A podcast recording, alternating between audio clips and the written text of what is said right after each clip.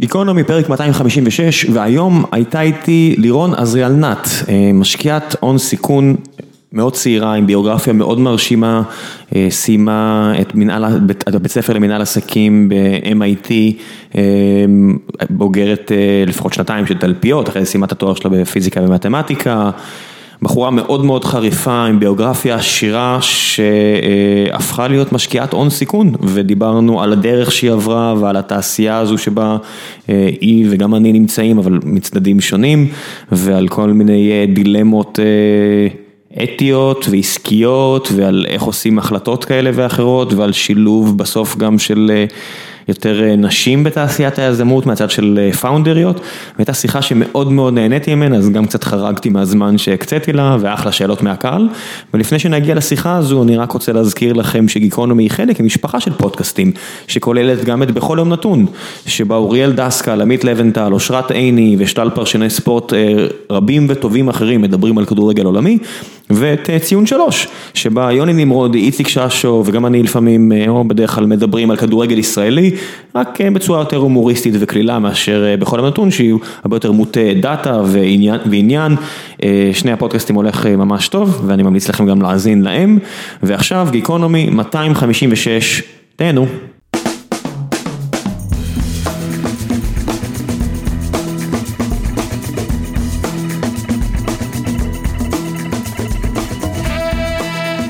גיקונומי פרק 256 והבוקר נמצאת עימי משקיעת ההון סיכון לירון עזריאל-ענת.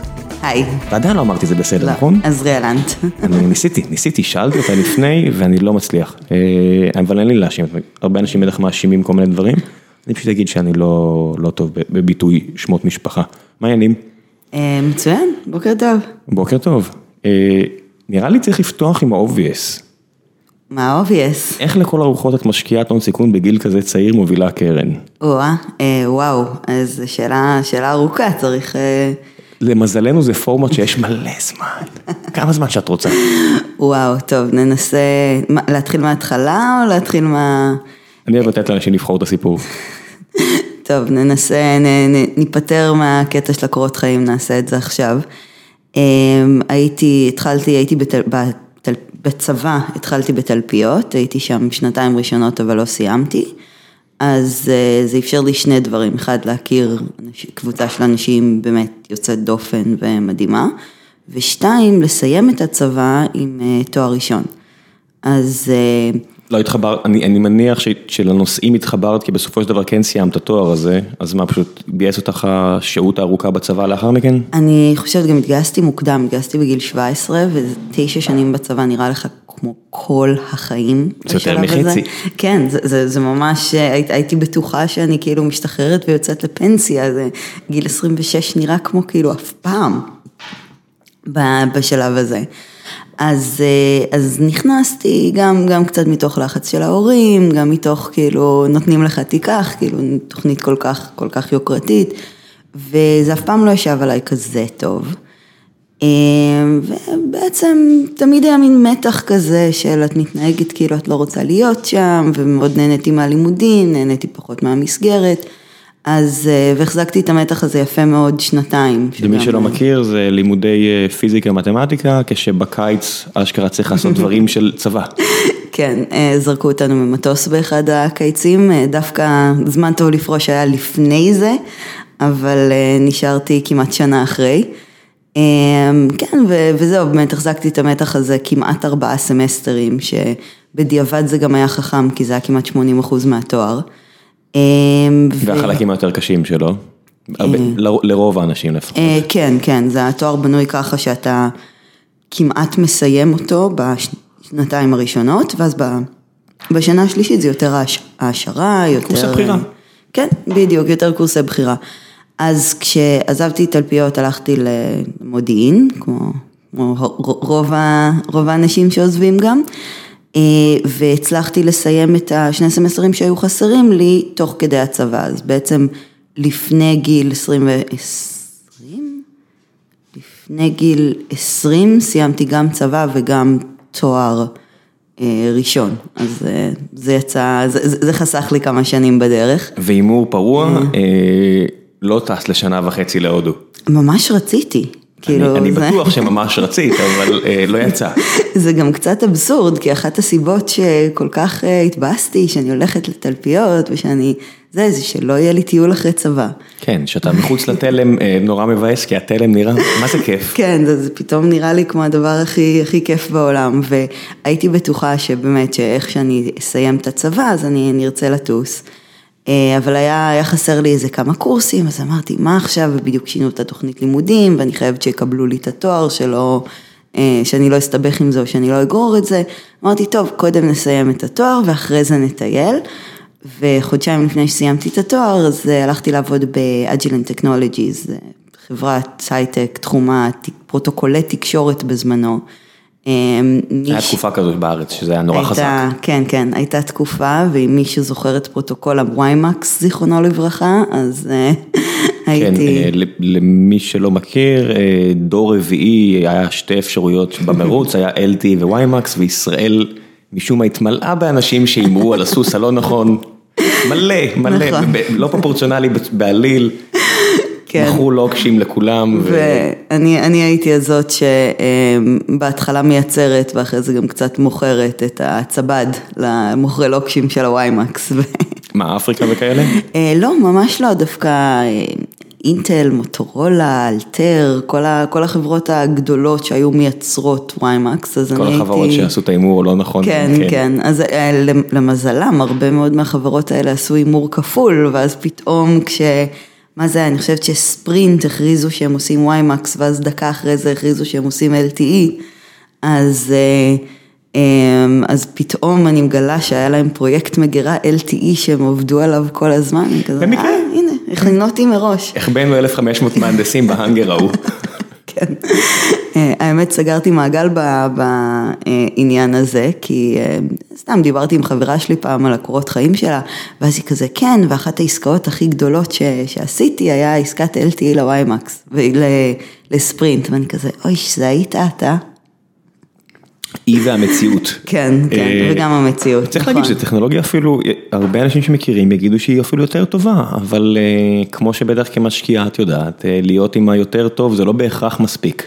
זה נכון, והאמת שבדיוק אחת ההשקעות האחרונות שעשינו הייתה קשורה לפרוטוקולי תקשורת בעולם אחר לגמרי, וזה זה היה מאוד מעניין לראות בדיעבד איך הם מנסים לעשות positioning לפרוטוקול שלהם, וללמוד מאיך אנחנו נכשלנו, והסימנים הראשונים שאנחנו ראינו, שוואי, אולי ויימקס לא יעבוד, אפילו שבזמנו יכלתי לחתום לך שזה הטכנולוגיה היותר טובה, וכן, ו- ו- כן. יש יותר throughput, וזה פשוט עובד יותר טוב, אבל כן, זה פשוט לא, לא מה שניצח. זה, זה לא כזה טריוויאלי, הדברים האלה, אה, ואת עכשיו בת 22, כן, בדיוק, 22, מחר. התח... והתחלת אה, אה, למכור, זאת אומרת עבר טיפה לצד הביזנסי, הסיילזי, אה, כן, אה, זה השלב שמישהו בא ושם לך יד על הכתף ואומר את צריכה MBA? אמ, בערך, כן. אמ, הייתי, האמת שזה זה התחיל קצת מהכיוון ההפוך. בעצם התואר בתלפיות היה מתמטיקה פיזיקה, העבודה באג'ילנט הייתה, כתבתי קוד, אבל רוב העבודה שלי הייתה להבין את הפרוטוקול ו- ולהיות חלק מתהליך המכירה, אז בפועל כתבתי מעט מאוד קוד. והפוך, הרגשתי לא מספיק טכנית, הרגשתי שאני כאילו יודעת לכתוב סודו קוד על מפית, אבל אני לא, לא יודעת להרים סביבת תוכנה ו- ו- ולכתוב מערכת. אה, רציתי בכלל תואר במדעי המחשב, אז באתי, הייתה לי מין שיחת יחסינו לאן עם הבוס שלי בזמנו, שהיה היה ממוקם בסקוטלנד, ואמרתי לו, "ת- כאילו שאלתי מה, מה את חושבת, מה זה, אמרתי לו, תשמע, אני חושבת על תואר שני במדעי המחשב. אז שאלתי למה. אמרתי לו, כי אני רוצה, רוצה את הידע שלי, רוצה, אז, הוא רוצה ללמוד, להיות יותר טכנית. אבל אז שאלתי, אבל את רוצה להיות, אבל את רוצה להיות מתכנתת? אז אמרתי לו, נראה לי שאני רוצה לנהל מתכנתים. ומשם הוא אמר, תקשיבי, אם זה הכיוון, תלכי לעשות MBA, ו- ו- וכל מה שאמרת קודם. כן, זה קורה מדי פעם. כן.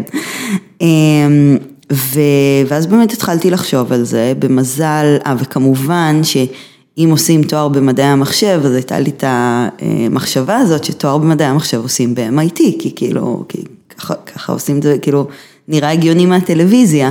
כי זה נחשב למקום בין הטובים בעולם. כן. לכל, ו... לכל הפחות top five. זה, זה, זה פשוט נראה לי המקום ההגיוני לכוון אליו, עוד אפילו לא ידעתי כלום על איפה ולאן, ועוד לא הייתה לי תוכנית בשלב הזה. אמ, ואז התחלתי לברר, ומסתבר של-MIT יש תוכנית שהיא משלבת תואר שני במדעי המחשב ביחד עם מנהל עסקים.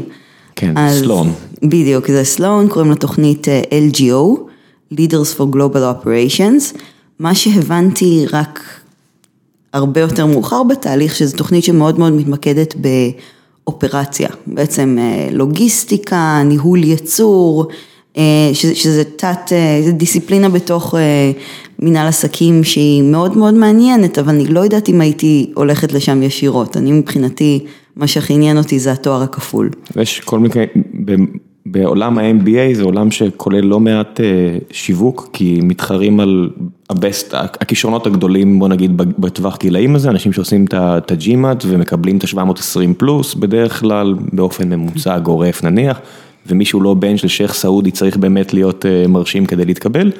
וכל בית ספר ממצב את עצמו בצורה כזו או אחרת, זה בעצם מה שסגרת, כשם הייתי אחד מהטופ 10, אה, לפי רוב הדירוגים, וזה באמת המדרג שלו, זאת אומרת, הסתכלת נגיד על וורטון, הסתכלת על הרווארד, הסתכלת ימינה שמאלה, או שננעלת מהר? אני, נשמע שלך יש הבנה הרבה יותר עמוקה של זה, לא, משלי הייתה באותו שלב. אני בטוח שלא.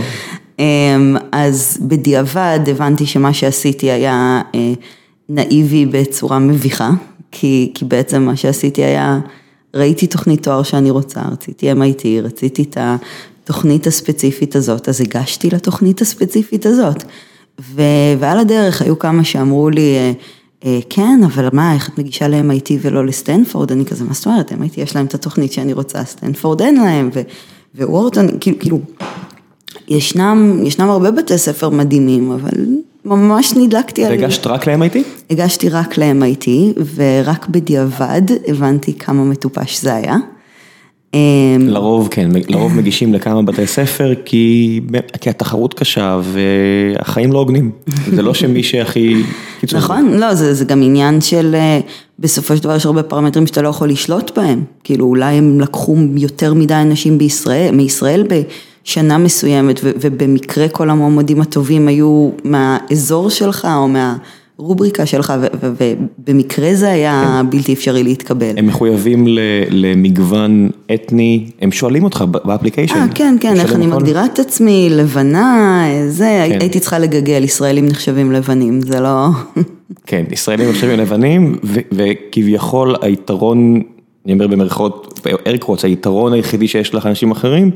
זה שאת אישה ולא גבר וזה יתרון קטן מדי מכדי, בוא נגיד, אם היית צריכה לעשות את זה בצורה רציונלית קרה, זה לא היה מספיק כדי להגיד, אה, אני בטוח בפנים, כי MBA זה עדיין... כן, זה, זה, זה דינמיקה קצת אה, אה, מוזרה, אני חייבת להודות, אה, להתחיל לחשוב יותר מדי על מה אתה ו, ומה זה אומר על הסיכויים שלך, אבל... זה אפליקיישן ל-MBA. כן, נכון. העולם שבו השקר... כן, ו, וגם האבסורד היה ש, שאחרי ש... טוב, אני לא אעשה ספוילר, אני אספר את הסיפור הקודם על, על הקבלה קודם. אז, אז מה שקרה זה שבאמת הגשתי את כל המסמכים והשקעתי המון המון זמן מהחיים שלי רק על, רק על, רק על אפליקיישן אחד, תוך כדי שכל מיני יועצים למיניהם אומרים לי שזה מטופש ואני עוד לא הבנתי עד כמה זה מטופש באותו רגע. מגישה את הכל, ואז יש איזשהו אה, תאריך שקוראים לו אינטרוויו דיי. ספציפית לתוכנית ה-LGO אין אה, מה שקוראים לו rolling admission, שכאילו מקבלים עוד אנשים תוך כדי השנה. אה, יש interview day, כל מי שעבר סף מסוים מגיע ליומיים שבהם מראיינים אותו, ואז מ interview day הסיכויי קבלה זה כבר אחד לשניים, אבל מאוד קשה להגיע ל interview day. אני מגישה הכל, interview day בא והלך, ולא קיבלתי שום הזמנה. ואז התחלתי להבין את אה, עומק הטעות שלי. אפילו לא קיבלת תשובה שלילית. מה, לא, לא, אה, הם לא מגיע בסוף, כאילו אפילו, אפילו בסיטואציות כזאת, כאלה, הם משחררים מעט מאוד לא. אה, אבל שאלתי חברה והיא אמרה כן, כל מי שלא קיבל הזמנה לאינטרוויו דיי, שהיה שבוע לפני זה, כנראה לא יתקבל. ו... ואז באמת התחלתי להבין את עומק הטעות, התחלתי לחשוב על זה יותר, אה, גיליתי שאפילו לתוכנית הספציפית הזאת, אז דיברת על אה, כל מיני דברים של אה, מי אתה, מה האתניות שלך, מה זה, ספציפית התוכנית שאני הגשתי אליה, בגלל שהיא מתמקדת באופרציה והספונסרים שלה הם חברות ייצור אמריקאיות, ההקצבה לאנשים בלי green card בתוך התוכנית הזאת היא עד עשרה אחוז. כן, כי מי ש... אני רק אסגור פה איזה פער ידע קטן, התוכנית הזו היא, היא מסורתית, אה, הבית גידול למנהלים בקלוג והמנהלים ב-WPP. בדיוק. ו, ובכל החברות האלה, מרטין סורל כאילו היה אומר שהוא מגיע לסלון, למקומות האלה, ופשוט... זה הבחירה שלו, מבחינתו הוא מסתכל, לוקח את העשרה הראשונים, מציע להם ולרוב הם הולכים, ככה זה היה לפני הייטק בוא נגיד. אז אה, וואו, אז אתה אפילו יודע על הרקע של של זה הרבה יותר ממני, אבל אבל כן, זה בדיוק זה, ויש אפילו רגישות נוספת, שארצות, אחת, חלק מהספונסרים הם חברות נשק. אז... אה, והפסולה. כן, היה רייתיון, היה... אה, זה, מקומות שאפילו היה אסור לי להיכנס לסיור במפעל שלהם, למרות שזה מצחיק, כי בצה"ל היה חלק מהדברים שהם כאילו, לא. מה לעשות, בירוקרטיה. כן, כן. אז אה, זהו, ואז כאילו הבנתי את, אה, גם, גם שהסיכויים שלי היו הרבה יותר קטנים ממה שחשבתי, וגם כמה מטופש זה היה להגיש ל, ל, רק לבית ספר אחד. דיברתי איתי על הטיול של אחרי צבא, אז אמרתי, טוב. בוא ניקח חודשיים חופש, נעשה, ניסע, ניסע לטיול. אמ, חודש אחר כך, אני בדיוק מתכוננת לצאת לקרנבל בברזיל, נשארנו ערים כל הלילה, הגענו גיטרה בהוסטל, כזה מין... מה שאנשים בני 23 עושים. כן, כן, סיטואציה, סיטואציה אחרת לגמרי לגיל אה, כמעט 23. אני רק אבדוק את האימיילים שלי ואחזור לזה, מקבלת אימייל. היי, זה MIT Admission, אה, אנחנו חייבים לדבר איתך בדחיפות, וזה חמש בבוקר. כמובן שאני נשארת ערה עד תשע אפס אפס שהמשרד נפתח, מתקשרת אליהם, ואומרים לי, כן, רצינו לזמן אותך לראיון ב-27 לחודש, אני חושבת, זה היה, כזה מסתכלת, אני מסתכלת ביומן, בזה, אני כזה, תקשיבו, 22 לחודש עכשיו. אני כזה, טוב, אז את רוצה לעשות ראיון בסקייפ, והייתי בהוסטל בברזיל, לא הצלחתי, לא, לא היה לי מספיק קליטה כדי להחזיק את השיחה של לתאם את הראיון. אני כזה, לא, לא, אני אגיע. ו, אמ, ובאמת אה, בסוף התקבלתי לתוכנית, אבל ממש ברגע האחרון. זאת אומרת, עלית על מטוס לבוסטון? עליתי על מטוס לניו יורק. עם מה שארזתי לקרנבל בברזיל, שזה בגדול היה מכנסיים קצרים ונוצות. אנחנו מדברים על מה אחורי? אה. על פברואר. פברואר, כן. כן, כן. אז אה, אני גם, לא היה לי כלום, אני זוכרת שרצתי, כי היה ממש קר, כשאני לובשת מכנסיים קצרים לחנות כדי לקנות מכנסיים ארוכים, כשיורד עליי ברד בניו יורק. זה בדרך כלל אצל הרבה מאוד אנשים הפעם הראשונה שהם קונים אה, חליפה או ביזנס אה, אטייר כאילו כזה או אחר לרעיון ב-MBA. אז אז זה לחלוטין היה הרגע הזה. זה הסיפור כאילו המכונן של הרבה מאוד אנשים שהם זוכרים את הפעם, זוכרות הפעם הראשונה שהם קונים אה, או קונות בגדי כן, עסקים. כן, עדיין יש לי את החליפה הזאת, היא עלתה 600 דולר כי לא היה לי זמן לעשות קנייה השוואתית, זה עדיין החליפה הכי יקרה שלי. סוד ספליי. Theory, מייסיס או משהו כזה. אוקיי. כן. אמ, אז אז זהו, אז חזרה חזרה לענייננו, אמ, מפה לשם אה, הגעתי באמת לתוכנית ההיא ב-MIT, וקיוויתי שזה יפתור לי את ה... מה עושים הלאה, את ה... מה, מה, מה אני אעשה כשאני אהיה גדולה. ו... אמ, שנתיים לתוך התוכנית בעצם לא... רגע, רגע, את רצה. שנה, שנה הראשונה מסתיימת, כולם בוחרים אה, איפה הם הולכים לעשות את ההתמחות בקיץ, כיוון שזה האב אחד הגדולים בעולם לביו whatever ול tech ולהרבה מאוד דברים, אני מניח שה inclination הטבעי שלך הוא tech. אז החלטתי לעבוד בייצור של נייר טואלט. מעולה. כן, אה, לא, אז אה, התוכנית הזאת היא מובנית, באמת אפשר לעבוד בנוברטיס, או במי עוד היה פרטנר באמג'ן, היו כמה... אה, חברות תרופות. חברות תרופות שהיו פרטנרים, אבל בעצם מה, מה שאני הלכתי אליו בין השנה הראשונה, הראשונה לשנייה היה קימברלי קלארק, והתעסקתי בייצור של חיתולים ופדים ונייר טואלט. שזה כמעט להקטין תאגיד שמרוויח מיליארדים או משהו כזה. אה, לא, ברור, ויקימרקק עושים הרבה דברים, אפילו עושים גם קצת מדיקל, כאילו ציוד רפואי, אבל ההתמחות הספציפית שלי הייתה קשורה ל-raw material planning, תכנון חומרי גלם של אפילו לא נייר טואלט, חיתולים ופדים. מאיזה כיוון? מה, של חקר ביצועים, של constraint theory? של קצת constraint theory, של כמה להזמין מתי, כשבעצם מדובר בחומרים מאוד מאוד זולים, כי, כי בעצם מה אתה צריך בשביל חיתול, צריך צמר גפן וליינרס וכל מיני ציוד שהוא, שהוא מאוד מאוד זול, אבל קשה אה, לאחסן אותו, עולה הרבה כסף לאחסן אותו. עולה הרבה כסף לשנע אותו, ובעצם אז התכנון צריך להיות יחסית מדויק, כי אתה יכול לקנות יותר מדי, אבל לאחסן יותר מדי, או להיתקע עם זה, או להיתקע בלי, כן, עולה לך המון. לזהות בעצם שרשרת, ובשרשרת הזו לזהות את החוליה החלשה, ומה איפה היקר, וזה עסק מדהים. שאין לנו את הפריבילגיה בארץ כל כך להתעסק בו, כי אין לנו עסקים בסדר גודל הזה בארץ. נכון, יש הרבה פחות ייצור בסקאלה הזאת. נכון, אז אנחנו יכולים להסתכל מהצד או לשמוע על זה, או אם עושים MBA בחו"ל אז להיחשף לזה, אבל אין לנו כל כך את זה בארץ. נכון, וגם היה אלמנט מאוד מעניין שהייתי אחראית על הפרויקט בדרום אמריקה. אז הרבה מאוד מהעבודה היה להגיע מ-0 ל-1. הרבה מאוד מהעבודה... מה הכוונה? לא היה להם נייר לפני כן? כאילו, לא, לא היה להם חיתולים? מה, איפה האפס לאחד? מאפס פרוססים לאחד, אה, נגיד. מה, היה שכונה? היה, כן, היה שכונה, היה הרבה פעמים אה, אה, שיחות מעניינות של, היי, שמתי לב שכבר 20 שנה אנחנו שואלים אתכם כמה נראה לכם תייצרו בחודש הבא ואתם נותנים לנו בדיוק את אותו מספר, למה? או איך אתם מייצרים את התחזית? ואני כזה, אה, שואלים את המנהל קניות, ש... אין אה, ממש מעט מעט פרוסס, והרבה מהעבודה הייתה להנחיל את הפרוסס הזה, במיוחד שזה היה אסופה של הרבה הרבה מאוד אה, אה, מקומות קטנים. אז, אז חלק מהעבודה הייתה, הייתה לנסות לעשות סדר במה שקורה שם ולעשות תהליך אחוד. אז זה היה נורא מעניין, כי, כי אתה מביא מלא מלא ערך, לא, לא כי פיצחת איזה משהו גאוני או איזה משהו מיוחד, אלא כי, כי התהליך הזה באותו זמן בקווי מוצר האלה לא קיבל מספיק פוקוס, ואז פתאום הוא מקבל יותר פוקוס.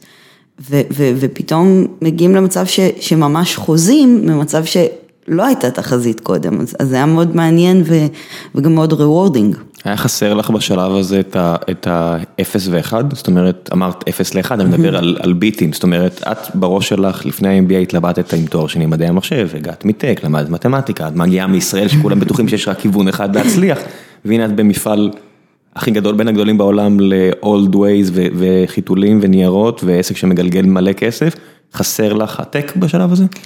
אה, וואו, שאלה טובה. אני חושבת שמה ש... שני דברים, אחד אני חושבת שכמה שניסיתי לדחוף את עצמי לכיוון הפרקטי-טכני של אה, לבנות ולכתוב קוד, הבנתי שאני מאוד אוהבת טכנולוגיה, אבל אני הרבה יותר תיאורטית מפרקטית, אז, אז הרבה יותר קל לי עם משוואות או, design, והרבה יותר קשה לי עם implementation, נגיד אה, עד היום ללמוד סביבת תוכנה חדשה, כאילו אני תולשת שיער, אני, אני מתקשה בזה. ו...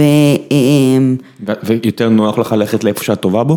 זאת אומרת, רצית לעשות double down על איפה שאת מרגישה שאת חזקה יותר? אני חושבת, כאילו, לא, לא תמיד, אבל אני חושבת שבאותה סיטואציה הרגשתי שביליתי כמה שנים בלהילחם בזה, ואף פעם לא הייתי טובה כמו שרציתי, ואף פעם לא נהניתי מה, מממש בניתי אפליקציה לאנדרואיד באותה תקופה וכתבתי ב... מה זה היה? ב-R אני חושבת, היה, היה, כאילו למדתי כמה שפות ו... ו... ניסית כאילו רוחבית, גם סטטיסטיקה, גם כן. מובייל, כאילו ירית לכמה כיוונים? היה, היה כל מיני קורסים ש, שדרשו מאיתנו כן. את זה. מצד שני את אומרת, אה, שם נגיד בינונית מינוס, ובצד השני את רוקסטאר בגיל 24 כבר משתלבת בתהליכים של חברה כל כך רצינית. אז, אז כן, גם, גם הרגשתי שהvalue שאני מביאה, נגיד, ה, ישבנו באיזה קבוצה והייתי עם מישהו שהוא דווקא מתכנת מאוד מאוד טוב, וקלטתי שאת ה, ו, ואת החלק של השלוש נוסחאות על הלוח ואמרתי לו זה האלגוריתם שלנו, אז, אז לא זה היה משמעותית יותר קשה מלי, ואם היית שואל אותי, לי זה נראה החלק הקל והחלק הקשה זה, אוקיי, יש שלוש נוסחאות, עכשיו תכניס אותם בלולאת פור ותיצור אינפוטים ואוטפוטים, שמשהו יפעיל את השלוש נוסחאות האלה.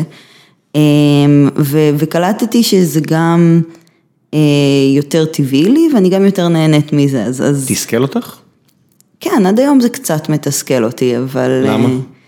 כי זה לא אה, skill שהוא שלם, זה לא, אה, אני לא יכולה ליצור end to end, אני לא... אנחנו, רובנו כבר לא לאונרדו דה וינצ'י, הימים של end to end נשארו, יש כמה כאלה, יש אנשים שמסוגלים, לרוב הם עושים שטות, כי החלק העסקי חלש מדי אצלהם, או לחילופין החלק הטכני חלש מדי אצלהם, אני מניח שכמשקיעה את רואה יזמים שאת אומרת, חבל שהוא לא מתמקד במשהו טוב. נכון, וכן, אני מניחה שהרבה יותר קל להיות מתוסכל על עצמך מאשר לראות את זה על אחרים, אבל אני חושבת שיש סיפוק קצת אחר. בלעשות את העבודה? כן, אפילו, אפילו קח את זה לכיוון אחר, אפילו, אפילו קח את זה לכיוון אחר, ציירים. אז, אז הם לא יודעים לעשות הכל, אבל הם יודעים תחת ידם להוציא עבודה שהיא מוכנה. ו, וכאילו מה שבזמנו ראיתי בתור הסקיל הכי גדול שלי, אז הוא תמיד כזה crippled, הוא תמיד תלוי בבן אדם שישב איתי ויעבוד איתי ויראה את השלוש נוסחאות האלה ויבנה סביב זה מערכות. ו, ובפעם היחידה שניסיתי לבנות ממש אפליקציה, אז בחיי שזו הייתה האפליקציה הכי גרועה בעולם, ו, וגם שם אה, אחי הקטן עזר לי הרבה מאוד מאוד עם החלק הטכני. אז, אז יש בזה מין תסכול ש, שהיצירה שלך היא מאוד לא מוחשית. היא מאוד... ואתה תלוי באחרים. כן, ואתה תלוי באחרים. אבל ואולי גם בגלל זה עברתי קצת יותר לאלמנטים שהם פחות ביצועיים ויותר תיאורטיים מאז. ואני מניח שבשלב הזה כשאת מגלה שאת באמת טובה במה שאת עושה בחלק התיאורטי העסקי, אני מניח שהחבר'ה בקימברלי קלארק היו שמחים לראות אותך ממשיכה. כן, אבל זה גם הייתה עבודה שהייתה, הבסיס היה באטלנטה מכל המקומות. מכל המקומות, אנשים שומעים אטלנטה ולא מבינים כמה מגדלים גבוהים יש שם עם חברות נורא מפורסמות. נכון מצד אחד, מצד שני זה החלל החיצון, כאילו מצאתי את אטלנטה יותר שונה מבוסטון, משמצאתי את בוסטון שונה מישראל. ברור. זה תרבות, את יודעת, אני לא רוצה להיכנס, זה עיר שחורה הרבה יותר, זה אומר זה תרבות שונה הרבה יותר. היא... זה segregated, זה עיר משועממת, עיר משעממת בטירוף, הכל מרוכז ב... זה אתה אמרת. מהמעט של... לעניות דעתי, בסדר, לעניות דעתי. גם אני מצאתי אותה קשה. זה לא בוסטון, זה לא סן פרנסיסקו, זה לא ניו יורק. ואנשים מתחתנים בגיל 24 ו... זה בירת הדרום, את יודעת, יש סיבה ששרמן שרף אותה לפני 150 שנה כסימן, את יודעת, זה בירת הדרום עם כל מה שהוא מייצג. נכון, וגם... גם הרבה, יש הרבה אנשים שכאילו אטלנטה זה העיר הגדולה העיקרית שהם היו בה. כאילו, אמריקאים. ש... כן, כן, שגם גם פגשתי המון אנשים שמעולם לא יצאו מהאזור הזה, גם חוויות ש... שכאילו ממש מוזרות, נגיד הייתי הבן אדם היחיד שנוסע שם ברכבת, כאילו כולם, כולם, כולם ברכבים. וקניתי רכב כי חייבים שיהיה, אבל אני שונאת לנהוג, אז קניתי רכב יד שלישית כזה, שנייה לפני שהוא הולך לקאור אוקשן. To get scraped. מה? לא, to get scraped, אני אומר שנייה לפני שהוא, כן. בדיוק, זה רכב מאוד מאוד גרוע, וכל פעם שיכלתי נסעתי או באופניים או כאילו ברכבת, ואתה... גרתי כמובן באזור היפה של העיר, אז, אז אתה נכנס לרכבת ו... כולם, כאילו האזור הכי לבן שראית, ואז אתה נכנס לתוך הרכבת וכולם שחורים. אינוורט, כן, עברת, כן.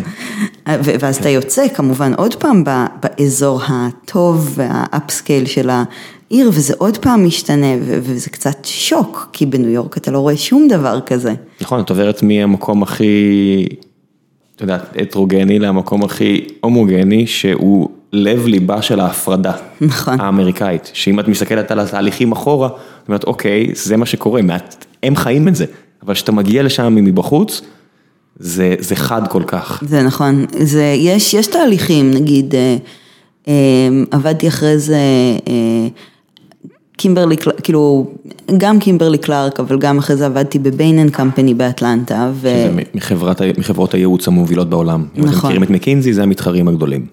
כן, אז לפי הדירוג הוא מקינזי, BCG ואז ביין, כמובן שלא כולם מסכימים עליו, במיוחד ביין, אבל...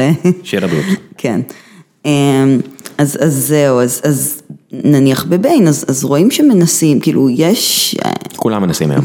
כן, לא, אני מרגישה שאנחנו קצת עושים עוול לאטלנטה, אנחנו מתארים אותה ובאמת יש הרבה שינוי. לא, לא, זה, ויש... אנחנו, זה, זה עיר שמנסה וזה עיר שאת רואה עכשיו גם בתרבות הפופ, שיש לך כל מיני דונלד גלובר כאלה, דונלד? כן, נראה לי, אטלנטה, סדרה ו, ו, וזה ספורט וזה חברות כמו בואינג ששמה וקוקה קולה ששמה והרבה חברות וכולם מחויבים.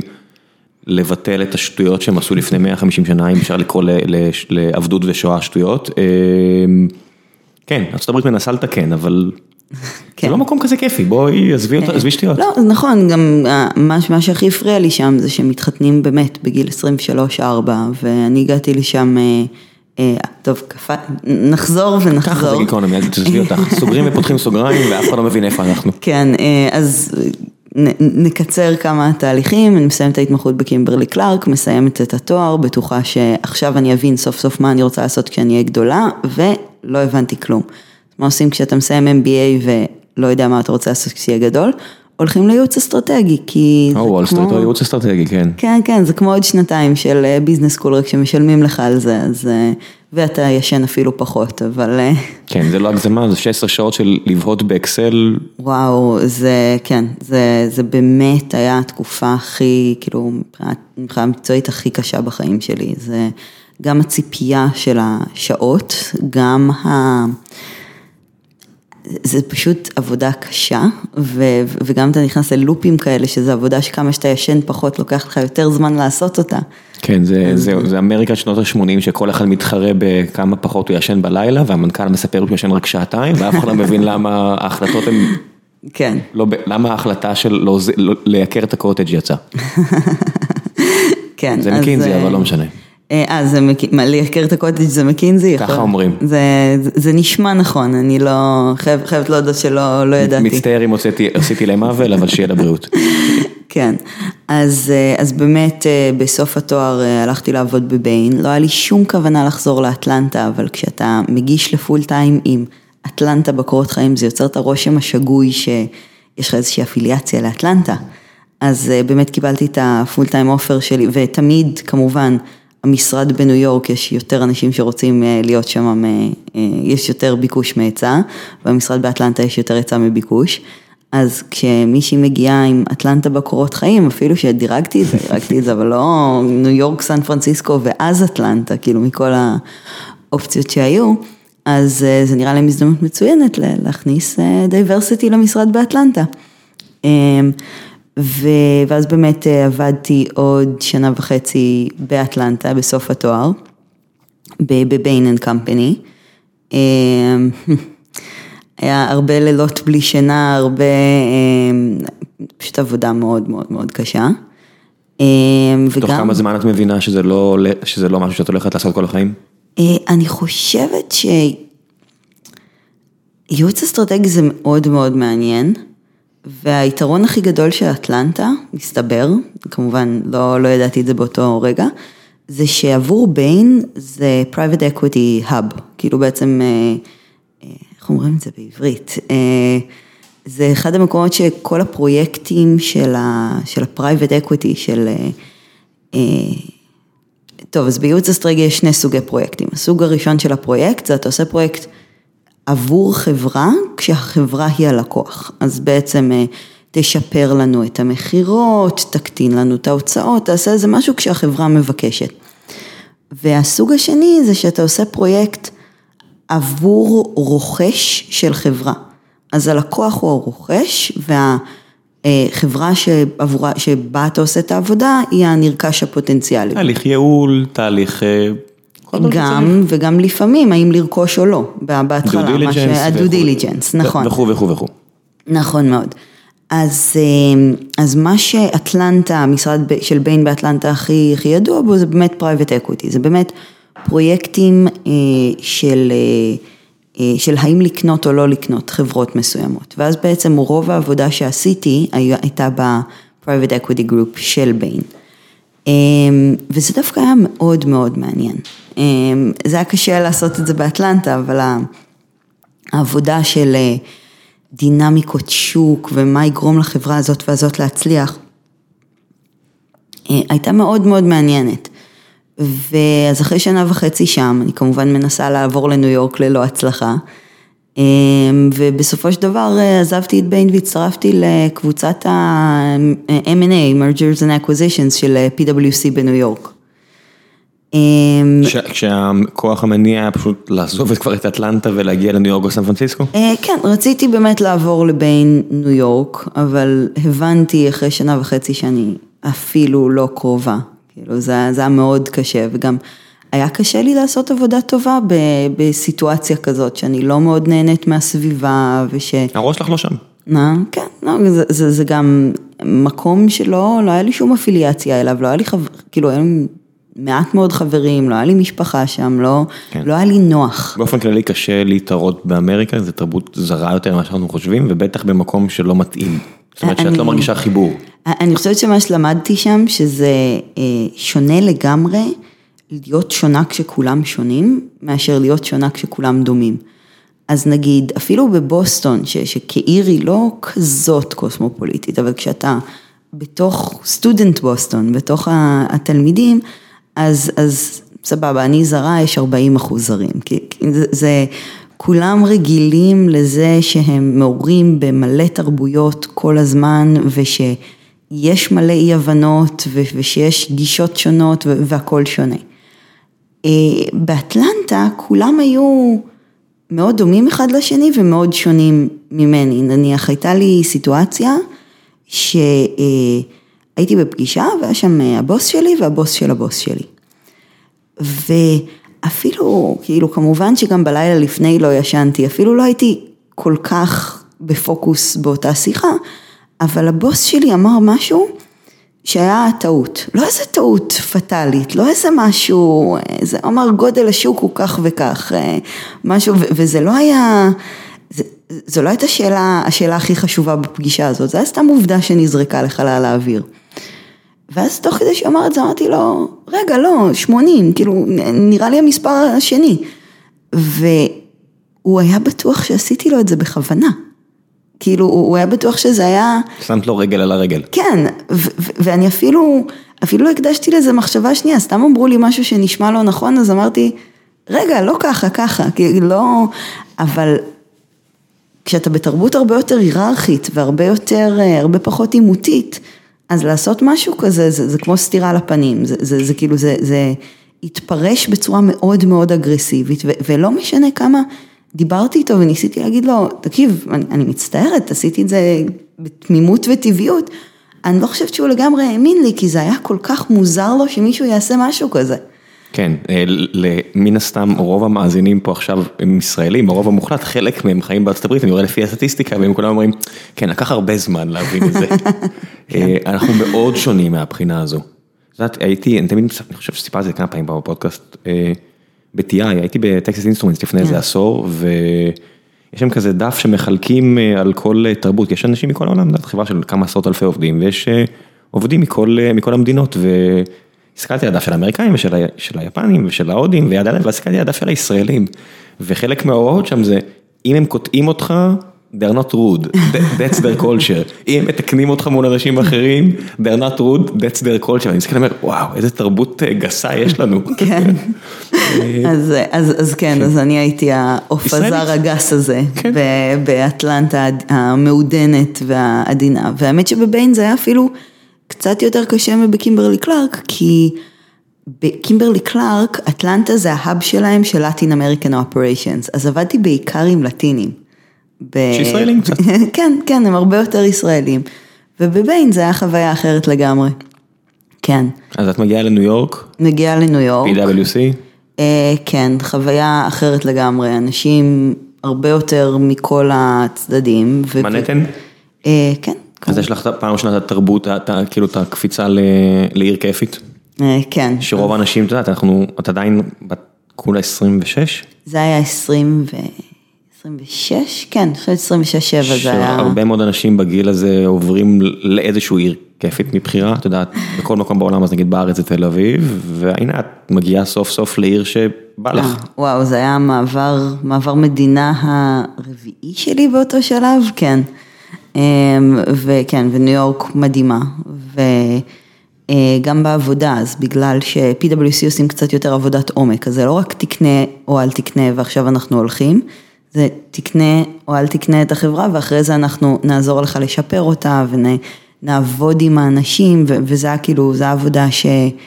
אה, אני חושבת שיותר התחברתי אליה, אתה עדיין מהצד ו- ובתפקיד של היועץ, אבל, אבל אתה מלווה תהליך שהוא קצת יותר ארוך, זה היה, זה היה יותר מעניין.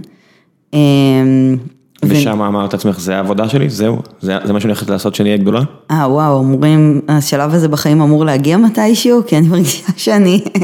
לא יודע, עבור באיחור. הרבה מאוד אנשים זה מגיע מתישהו, אני יודע, אה, ככה שמעתי. כן, אה, אני, אני לא יודעת, זה, זה הרגיש מאוד טוב לעבוד עם חברות, זה, זה הרגיש קצת מוזר לבוא בתור האוטסיידר, אתה עדיין היועץ, אתה עדיין הזה שמקבל את הצ'ק שלך ממקום אחר ו- וכאילו, אתה, אתה עדיין לא לגמרי ב, בעניינים, אבל אה, כן, זה זה היה מאוד מעניין. אה, אבל זה גם היה שלב, כי אחרי שנתיים וחצי, ב... גם, האמת שגם בניו יורק מאוד מאוד רציתי לעבור ל buy side, רציתי כאילו לעבור מהשלב שאתה מייעץ לחברת ה private equity, לשלב שאתה חלק מהחברה וחלק מה... מהתהליך ולא לא engagement של זה הלקוח שלי עד שהוא כבר לא יצטרך אותי או עד שהוא יכול להרים את זה בעצמו. לבנות. אה, יותר לבנות, אני חושבת שעד שאתה לא ממש בחברה, אתה לא בונה, אני עדיין אה, במובן מסוים ב-cheerleading, כאילו מעודדת מהיציע ולא משחקת על אוי, אין- המגרש. אין- אין מילה ש- שהיא יותר בעייתית מ cheerleading. זה זה כאילו, אני עכשיו בדיוק אה, קורא אה, ספר של אריק שמיט, אה, אני חושב שדיברתי עליו שבוע שעבר, ועכשיו אני בדיוק מסיים אותו, של Trillion Dollar Coach, על איזה בחור בשם אה, ביל קמבל, אם אני לא טועה השם, שהוא כזה היה מאמן של הרבה חבר'ה בגוגל ופייסבוק והכל, וכמה שהוא היה פוזיטיבי ו- ועם רגש ואמפתי ועזר להם כל כך הרבה נקודות. אבל הוא מדגיש בספר איזה 80 פעם, he wasn't a cheerleader. זאת אומרת, הוא לא רק עם פונפונים, כן, אתה יכול, תעשה את זה, אלא הוא שם ברגעים הנכונים, להביא לך את הכאפה, tough love, לקח אותך לאחד על אחד, להסביר לך מה אתה עושה לא בסדר, כי הוא תמיד משתמש בצ'ירלידינג בתור הדבר הכי...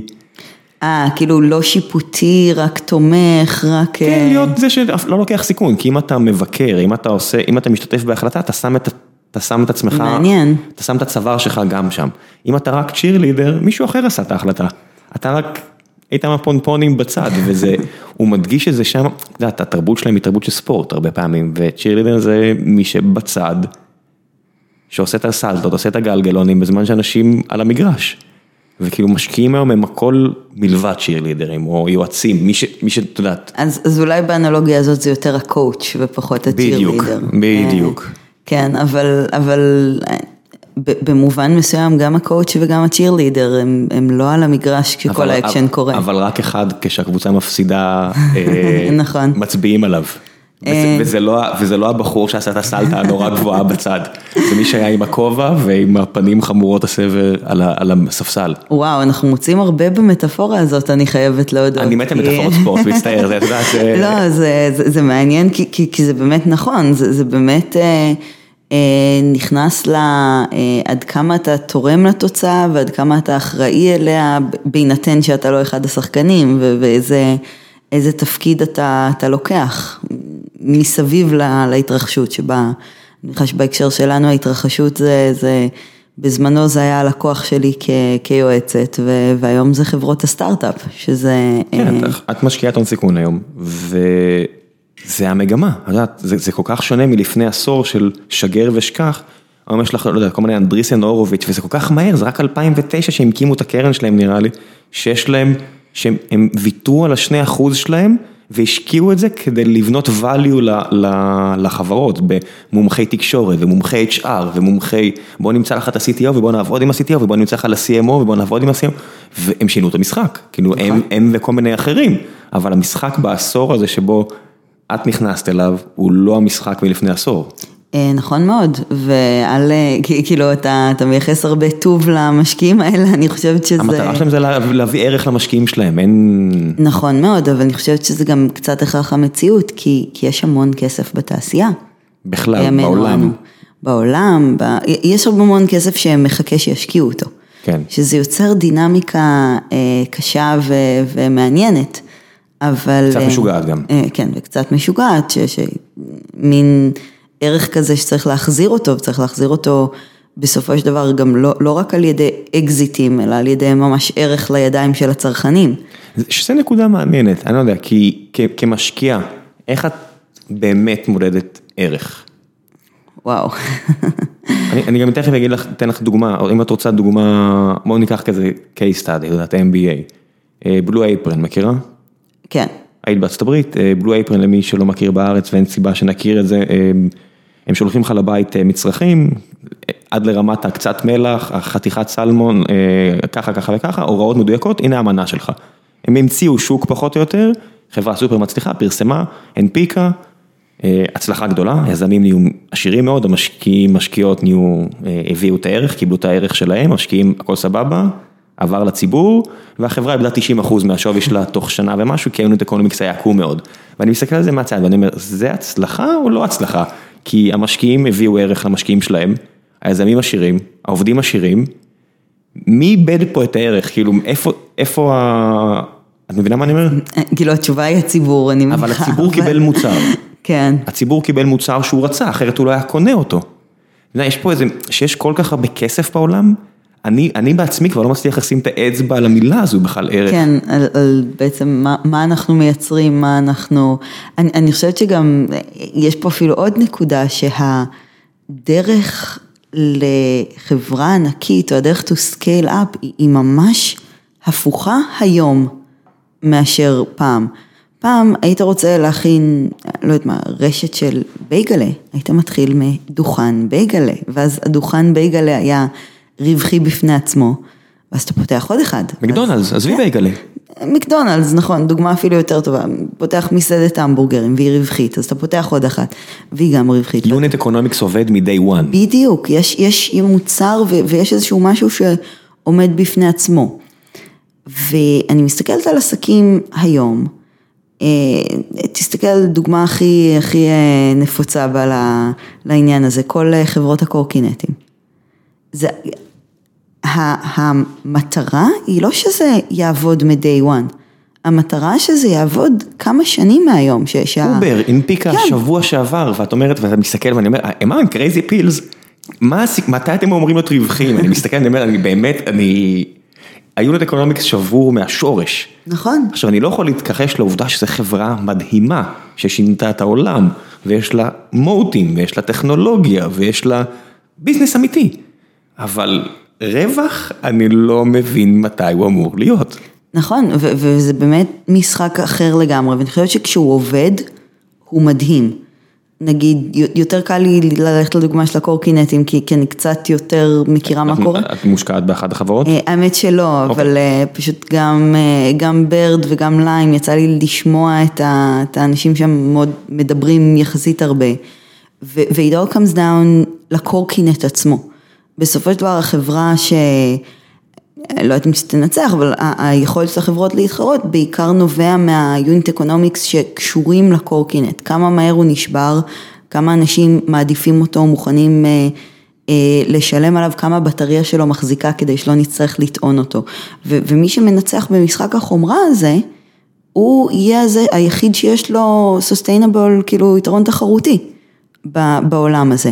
ואיך מגיעים למצב שאתה יכול שיהיה לך את הקורקינט הכי טוב. לא יושבים במעבדה ובונים קורקינט. שורפים כמויות אדירות של כסף, מכניסים קורקינט לא מספיק טוב לידיים של כמה, שאתה, כמה אנשים שאתה יכול, פורצים את החסמים הרגולטוריים בכמה שיותר מדינות ונהיים המותג. ואז מביאים את, ה, את הקורקינט היותר טוב, אז... כן, גם דילגת פה על חלק נורא בעייתי היום. אה, שאני מודה שאני יותר לצד השני מאשר אלה שטוענים שזה בעיה, אבל כל אחת מהחברות האלה שהולכות על, על, על scale-up, שהולכות על growth אגרסיבי, על super growth, את יודעת, כל ה... The Andreessen Horowitz way, whatever, כן. את יודעת, איך שלא תקראי לזה, The Facebook way, שואפת להיות מונופול. פיטר טיל אומר את זה אה, קבל עם ועדה מעל הבמה, מהצד השני נמצאים הגיא רולניקים של העולם וכל, והוא כאילו, את יודעת, הוא מלמד MBA עכשיו בשיקגו, גם בית ספר מדהים, והוא מוביל ביחד עם הרבה אנשים אחרים אה, את הגישה השנייה, שאומרים, היי חבר'ה, החברות האלה שלוקחות כסף ממשקיעים מהפנסיות ואז דרך משקיעי הון סיכון בונות פה מונופולים, הן רוקדות מסביב לסיפור הזה, אבל האנד גיים הוא להיות מונופול, אחרת זה לא עובד. כן. אחרת זה לא עובד, אתה, אתה בעצם מכסח את כל התחרות עד שאתה מונופול. וזה משהו שאני אומר, כל המודל הזה, שאני לא יודע בכלל אם יש לי בכלל בעיה עם זה או לא, כי זה גם מה שאני מנסה לעשות ביום יום שלי, אה, ואם אנחנו לא נהיה לפחות מאוד מאוד גדולים מהשוק, אז זה לא יצליח, יש איתו איזושהי בעיה ביחס ל-100-200 שנה של כלכלה אחורה. זה מעניין מה שאתה אומר, ואני חושבת שהשאלה היא, אני חושבת שכל אחד מנסה להיות מונופול, גם מקדונלדס, גם לא יודעת מה, מרצדס, גם, גם חברות ישנות מנסות.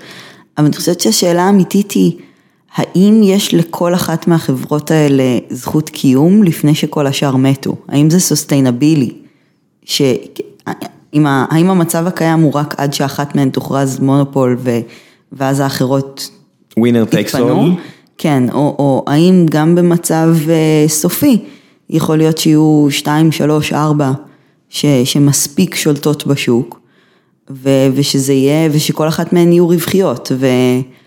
תשמעי, אני מניחה שצריך לעשות הרבה אנליזה כדי לדעת את זה. לך ולתעשייה שלך יש חלק עצום, ושלך זה אומר שלנו, כן? כן. אה, רק שאת מהצד הזה ואני מהצד ההוא כרגע, אה, יש חלק עצום בעניין הזה, נגיד קחי משלוחי אוכל. בארצות הברית זה, זה, זה דת, יש לך, איך לא יהיה לי משלוח אוכל תוך חמש דקות מכל מסעדה אפשרית, אז מישהו משתלט על השוק, ואז מישהו אחר מגיע ואומר, אוקיי, אני אגייס מלא כסף, אני אעשה סובסידיות, כולם יעברו אליי, לקחתי את האינקאמבנט בקלות, כי יש לי 100 מיליון דולר מהמשקיעים שלי, ואלה הסכומים שרצים היום. נכון. אתה מסתכל על חברות שמגייסות היום כדי להשתלט על שווקים, וזה סכומים פסיכיים, כי יש לך איזה סופטבנק שהגדיל את המשחק עוד יותר, עם קרן של 100 מיליארד דולר, זה כאילו, אנשים רושמים מספרים על דפים, וזה, וזה לא מעוות, אבל זה משנה את כל חוקי המשחק. נכון, וזה מייצר מצב שהשווים של החברות נהיים כבר באותו סדר גודל של הגודל התיאורטי של השוק. ואז אתה יודע שמישהו הולך להפסיד שם, כי הצרכן לא קונה מספיק מהמוצר הזה כרגע. כדי להצדיק, כרגע, כרגע, אבל תלוי מה, אתה יודע, כן. מה, אני פתאום אתחיל לקחת מונית מה, מהחדר הזה לחדר הבא, כאילו יש, יש גבול לכמה, כמה, כמה ride sharing כבר יכול להיות. כן, אבל אז מוכרים לך כבר את החלום הבא, אומרים לך שאובר זה לא מוניות, אלא autonomous car, זה אומר שאנחנו כבר נחליף את כל המכוניות. וזה אומר שזה autonomous אה, אה, trucks, אני יודע נכון. מה, אבל זה זה כאילו מרגיש, הנה משהו שאסור להגיד, אבל בטח לא במה שאני עושה ביום יום, ובטח מה שאת לא עושה, אה, יש ריח של פונזיסקים בדברים האלה. אמ, אם את לא יודעת מי הפסיד, ובסופו של דבר יש חברה שיש לה אפס value, ומישהו הפסיד. אז כן, אז נכון מאוד, זה, אמ, אני יותר מגדירה את זה, כאילו זה, אני יותר רואה את זה כבועה, אבל, אבל כן, זה, זה, זה אותו, יוצרים איזשהו דלתא מסוים בין כמה ערך, כמה אה, אה, value צריך לייצר שם, או כמה כסף צריך להתגלגל שם, לבין הצריכה, ה-GDP, המגבלות הפיזיות. הכלכלה האמיתית. הכלכלה, כן. והנה, ואז כמו שאתה אומר, אז אולי השוק יגדל. אוקיי, אז יצרנו פער של, אה, כרגע אנחנו מצדיקים את השוק של עוד עשר שנים, בעוד שנתיים נצדיק את השוק של עוד עשרים שנה, ו, ו, ואז מה? ואז כאילו, מה, מה עוד כמה שנים אנחנו אה, אה, נבנה על מה שיהיה עוד 200 שנה? כאילו, כאילו איך, איך, איך זה ימשיך? איך, איך, זה, אה, איך המתח הזה יימשך? איך עושים את העבודה אה, כש, כשיש את לא אמיתות, שיש את המחשבות האלה להרבה מאוד אנשים בשוק, ואת צריכה עכשיו להשקיע בחברה. והמחויבות שלך הראשונה, אני מניח, אלא כן תקני אותי, היא להשיא תשואה למשקיעים, משקיע שלך, של הקרן שלך. זאת אומרת, הוא הביא לך ים בכסף, כדי שתעשי מזה עוד כסף, בשורה התחתונה. נכון. זה השורה התחתונה הרי. ואיפה זה פוגש אותך, כשנגיד את רואה דברים כמו קריפטו קרנסי, או לא יודע מה, שזה כל כך ספקולטיבי, מצד שני, היה תקופה שבאמת הרבה אנשים הביאו תשואות בתיאוריה, אני יודע מה, טובות. שאלה מאוד קשה, זה גם מה שאנחנו חושבים עליו כל יום, ו- ואם הייתי יודעת לענות לך על זה חד משמעית, אני מניחה ש- שהייתי הרבה יותר עשירה בשלב הזה. אמ, אבל אנחנו באמת מאוד מאוד, נגיד, קריפטו uh, קורנסי, הסתכלנו על התחום הזה המון, הייתה תקופה שאני חושבת שפגשנו כל חברה בתחום בישראל ש, ש, ש, שהייתה איכשהו רלוונטית עבורנו.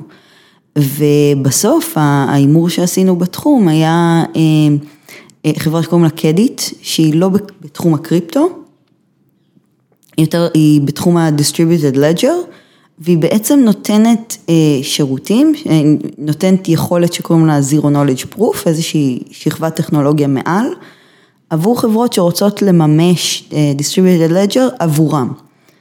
אז נגיד תחום הקריפטו זה, זה, זה דוגמה מאוד טובה, כי, כי שם ממש היה ערך טנג'בילי, ערך שיכלנו להגיד, אוקיי, זה מה שהם מביאים, ואולי השוק של הקריפטו עולה למעלה, למטה, אבל, אבל הטכנולוגיה של הלג'ר היא קיימת והיא שימושית, ו, ואנשים ירצו אותה.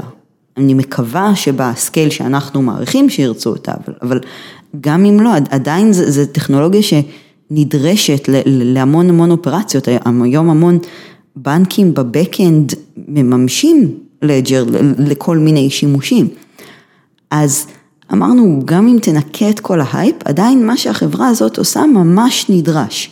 אז, אז לקחנו את ההימור שהיה הכי, אה, אני רוצה להגיד tangible, הכי מוחשי עבורנו, וזה באמת משהו שאנחנו מנסים לעשות, מנסים... אה, אה, לקחת חברות שאנחנו באמת מאמינים שיש להן אה, value אינטרינזי.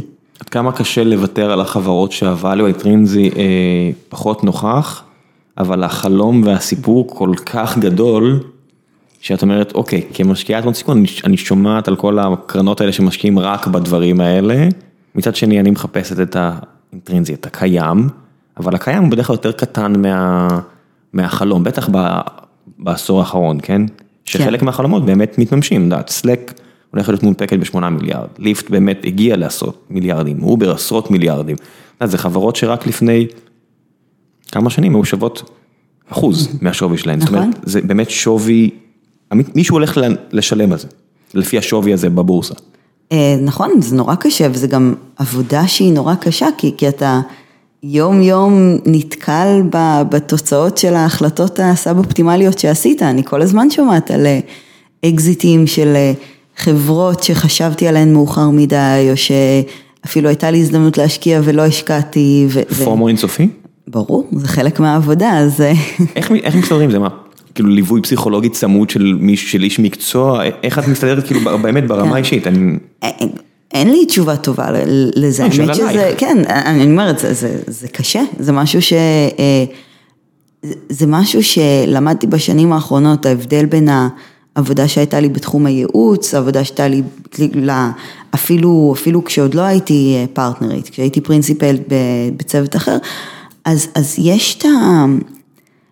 זה מצחיק, תיארתי את זה, לא, לא מזמן תיארתי איך העבודה שלי הולכת לחבר. אמרתי לו, אתה מכיר איך זה כשאתה פותח פייסבוק וזה נראה כאילו החיים של כולם מדהימים ו- ורק אתה כזה יושב לבד בחושך עם אה, לא מספיק חברים ותאורה בכלל לא מחמיאה, אז, אה, אז ככה נראים החיים שלנו כמשקיעים, אבל לא בתוך הפייסבוק, גם יום יום. כי, כי אתה שומע על הצלחות אדירות של, של חברים שלך, של, של אנשים ש... שעבדת איתם בדרך, וזה תמיד נראה יותר טוב, זה תמיד נראה כאילו לאחרים השקיעו בכל היוניקורנס. אבל את יודעת שכאילו, שההחזר הממוצע הוא מה? חמישה אחוז שנתי לקרנות, זאת אומרת, עובדתית לא כולם מצליחים, עובדתית מלא חברות זה באסט מטורף. ועשרות מיליון דולרים במקרה הטוב זה רק מה שבוזבז. אבל זה לא מה שאתה שומע עליו ביום יום. אבל את כן, אני בטוח שאת שומעת על מלא חברות כושלות. אני חייבת להגיד שהחוויה... את אולי מדפדפת על זה יותר מהר כאילו? החוויה הסובייקטיבית, היא, כי, כי בסופו של דבר, בסופו של דבר כולנו גם אה, אנשי שיווק של הקרן שלנו, ו, ובצדק. או של החברות. או של החברות שלנו, ו, ו, וזה נכון, ו, וזה בצדק. כאילו, הרבה מאוד מה... אה, אני לא יודעת אם זה חלק מהעבודה, אבל, אבל זה, זה, זה חלק מהאחריות של משקיע. של, של להציג את הצד הטוב ביותר, להיות השגריר, להיות ה... ה זה. ו, וכאילו, אני יודעת שהרבה אנשים אומרים שזה סוג של צביעות, ש, ש, שמדברים רק על הצד הרע, הטוב ולא לא מזכירים את הקשיים. מצד אחד, מצד שני זה, זה גם סוג של האחריות שלנו כבעלי זה מקצוע. זה העבודה שלך. כן. זה העבודה שלך, זה כמו, אם אנחנו חוזרים לספורט, זה כמו ששחקן יגיד, כן, אני הולך לעונה גרועה, אל תקנו מנוי. אתה לא יכול לעשות את זה. נכון. אני, אני אפטר ממך מהקבוצה שלי, כי אני, מה לעשות, אני צריך שיהיו אוהדים. כן, זה, זה, זה העבודה. זה ממש נכון. אם אז... אתה לא מאמין, יתכבד נא, אדוני או גברתי, ותלכו לעשות משהו אחר. כן, אז, אז, אז אתה יודע, אז, אז אם אני יושבת ל, לקפה עם משקיע ו... אה, והוא אומר לי משהו חוץ מהכל הולך מצוין ו, וכל החברות הולכות לאפ ראונד וזה, אני, אני, אני אופתע, כאילו אני לא, זה, זה, זה, זה חלק. כן, לא, לא, את לא שומעת, כאילו משקיע לא יגיד, וואי החברה הזאת שהאמנתי בה עומדת לדאון ראונד, נורא מבאס אותי. יש מעגלי אמון ויש אה, אה, משקיעים ש, שאני גם הרבה יותר אוהבת לעבוד איתם, כי, כי אני יודעת שהם אמיתיים איתי ואני יכולה להיות אמית, אמיתית איתם. אבל, אה, אבל זה לא, לא הייתי אומרת שזה, וגם לא הייתי, לא הייתי מצפה את זה ולא הייתי רוצה שזה יהיה באופן פתוח לכולם, כי, כי זה גם עושה נזק לחברות, זה, זה, זה לא... לא, זה בטוח, זה את חייבת מעגל אמון נורא, אם את הולכת לספר משהו על חברה, נכון, כן. אני, לוקח, אני לוקח בחזרה את השאלה כדי שאלה מפגרת. לא, זה לא, זה לא, זה הגיוני גם, זה, בסופו של דבר יש גם value שיש לי את ה... את האנשים שאני יודעת שייתנו לי את הסיפור המלא ושאני סומכת עליהם ושאני מעדיפה לעבוד איתם, אבל זה לוקח זמן לבנות את זה ו- וזה רק, אה, ואלה הקשרים היוצאים מן הכלל, זה לא, זה לא הסטנדרט, זה לא מה ש... אה, שואלתי על יום טיפוסי שלי בתעשייה, זה, זה לא מה שאני נחשפת אליו, מה שאני נחשפת אליו בפועל נראה בערך כמו לגלול את הפיד בפייסבוק. איך נראה הפיד שלך? זאת אומרת, היום החברות הטובות, את צריכה בהרבה מקרים לשכנע אותן. נכון. והחברות, את יודעת, זה כזה סטייל הציטוטים של, לא יודע, אוסקר וואלדר וכאלה, והחברות שהן צריכות לשכנע אותך, הרבה פעמים את לא רוצה להשקיע בהן. אז איך נראה באמת הפיץ שלך? מה אתם עושים שונה? וואו, זו שאלה מאוד קשה. בוודאי. זה מאוד, אה, כן. כי את יכולה להפוך את זה אליי ואני אומר לך שזו שאלה סופר קשה, ברור. נכון, ויותר מזה, אני חושבת שאנחנו גם בנקודה קצת ייחודית, כי אנחנו קרן יחסית חדשה בשוק, ואנחנו קרן אה, יחסית קטנה. אז, אז הפלטפורמה שלנו קטנה. אז הרבה מאוד מה, אה, מהעבודה שלנו הייתה על, אה, לא יודעת אם לחדד את הפיץ', אבל כן לחדד את הערך של מה שאנחנו עושים. אה, ומה שאני הכי אוהבת לעשות, זה כל פעם ששואלים אותי את זה, זה להגיד, תקשיבו, אל דברו איתי, דברו עם המנכ"לים שאני עובדת איתם. ובאמת, פשוט, במיוחד כשאני מחזרת אחרי... אה, אחרי סטארט-אפ, אני אומרת לו, תקשיב, קח שלושה מספרי טלפונים, דבר איתם, הם ישמחו. אל תדבר איתי, דבר איתם. כן. אין להם אינטרס שוקר. בדיוק, ו... אה, אבל אם הייתי מנסה להגיד מה אני כן חושבת שאני עושה שהוא, לא יודעת אם שונה, אבל מובחן בתעשייה הזו שאנחנו שחקן מאוד קולבורטיבי, יש לנו פחות שאיפה לשלוט בחברה, לא מול המנכ"ל ולא מול המשקיעים האחרים, האחוזים שאנחנו לוקחים בחברה, גם אם הם גבוהים, הם אף פעם לא... ההחזקה הכי גבוהה... חזירים. כן, ההחזקה הכי גבוהה שיש לנו זה 22, אני חושבת. ו- והשאיפה שלנו תמיד היא שלכל חברה יהיה כמה שיותר פרטנרים חוץ מאיתנו, ש- שידעו לתמוך בהם ולעזור. והשאיפה שלנו היא להיות הכי נוחים, גם לפרטנרים וגם לחברה עצמה. איך את לומדת? לומדת דברים חדשים. את המקצוע שלך. גם שאלה טובה. אה, אני חושבת שמה שעובד הכי טוב זה לזהות אנשים שיודעים את מה שאני רוצה ללמוד ולדבר איתם. אז כמובן שקורס... מותר לך להגיד ממי? אה, שאלה, כאילו, האמת שכן, תלוי מאוד בנושא, יש הרבה. אני מניחה שכשמדובר בעניינים שקשורים לסייבר, אז אני מאוד אוהבת ללכת לעמיחי שולמן, הוא באמת מדהים בעיניי בתחום, כשמדובר בפשוט להתייעץ באופן כללי על, על השקעות, על, על המקצוע עצמו. אז רועי גוטליב, גם חבר טוב, ששותף בקרדמן קפיטל, שאני מאוד אוהבת להתייעץ איתו. אני חושבת שזה מאוד תלוי בנושא ומאוד תלוי בסיטואציה. יש לך כבר יזמים שאת עובדת איתם? זאת אומרת, לא יזמים של החברות, אלא, הנה האמת, אני מניח שרוב המאזינים לא נחשפים לזה ביום יום, יש הרבה מאוד סטארט-אפיסטים בארץ שמכרו כבר חברה. כפועל יוצא, יש להם לא מעט כסף. רובם המוחלט לא הולכים וקונים פרארי, אלא משקיעים את הכסף הזה ומנסים לשמור על פרופיל נמוך, כי הם לא רוצים לנקר עיניים, אבל מצד שני הם רוצים לדאוג לרווחה של הנכדים שלהם, או לא יודע מה, והם משקיעים. ואני רואה הרבה מאוד קליברציות כאלה בין, קולברציות, לא קליברציות, בין יזמים שאני מאוד מעריך, למשקיעים. זאת אומרת, כל אחד מביא את ה... זה משהו שאני רואה בשנה האחרונה יותר ויותר. יצא לך כבר להתקל בסיטואציה הזו? יצא לי להתקל, אנחנו לא מהקרנות שיש לנו מערכת יחסים, כי רק התחלתם, כן, גם כי רק אידיאלית, המערכת יחסים הכי טובה זה שהשקעת במישהו בסטארט-אפ הראשון, אתה עובר איתו סייקל ואז באמת נוצר המערכת יחסים הזאת שאתה או משקיע בסטארט-אפ הבא שלו או משקיע ביחד איתו, בחברות הבאות. כי למדת להעריך את הדעה שלה או שלו וכו' וכו'. בדיוק, אז זה עוד אין לנו, אבל כמובן שיש אנשים שאנחנו, יצא לנו לעבוד איתם, אבל אתה יודע, עדיין, עדיין וואן-אופים, וזה נכון, זה באמת שאיפה לפתח מסוג מערכות היחסים האלה. טוב חבר'ה, אם אחד מכם מאזין ועושה דברים כאלה, תפנו אליה. אני בטוח שתגלו שזה משתלם לחבור למשקיעים כאלה ואחרים, יש לכם את הפריבילגיה. לפני שאני אעבור לשאלות מהקהל, רציתי לשאול אותך משהו שהוא הכי בנאלי. בשמחה. כן, את משקיעת הון סיכון, בניגוד להרבה משקיעי הון סיכון. עד כמה מטריף אותך האחוז הכל כך נמוך של נשים בקרב פאונדריות בארץ? וואו. אני לא מדבר אפילו על עובדות שעוד איכשהו, את יודעת, זה תלוי נגיד בי, אני יכול לנסות להעלות את זה ואצלנו אנחנו עושים עבודה גרועה מאוד בזה, עד שלאחרונה שמנו על זה דגש נגיד יותר, אבל פאונדריות סביבי, אני לא, זה לא תלוי בי בשום צורה. זאת אומרת, אני יכול לעזור למי ששואלת וכו'. את מאלה שמחליטות למי להביא את הכסף. את כאילו הרבה פעמים תחליטי אם החברה הזאת תצא לדרך או לא, ביחד עם משקיעים אחרים. עד כמה זה, כאילו, עד כמה זה מפריע לך ברמה האישית? אז עד כמה מטריף אותי שאין? כן. המון. עד כמה אני יכולה לתת לזה להיכנס למערך שיקולים שלי? שלא, מעט כן, מאוד. כן. זה, זה לא... אני, אני מאוד מאמינה בלהפעיל לחץ על ה top של ה funnel, לעודד כמה שיותר אנשים להיכנס לתהליך, בין אם זה להתחיל להיות יזמיות, בין אם זה ליזום פגישה ראשונה איתי, אבל אני לא מאמינה בשום מניפולציה בתהליך הסינון עצמו, אני חושבת ש... את לא יכולה.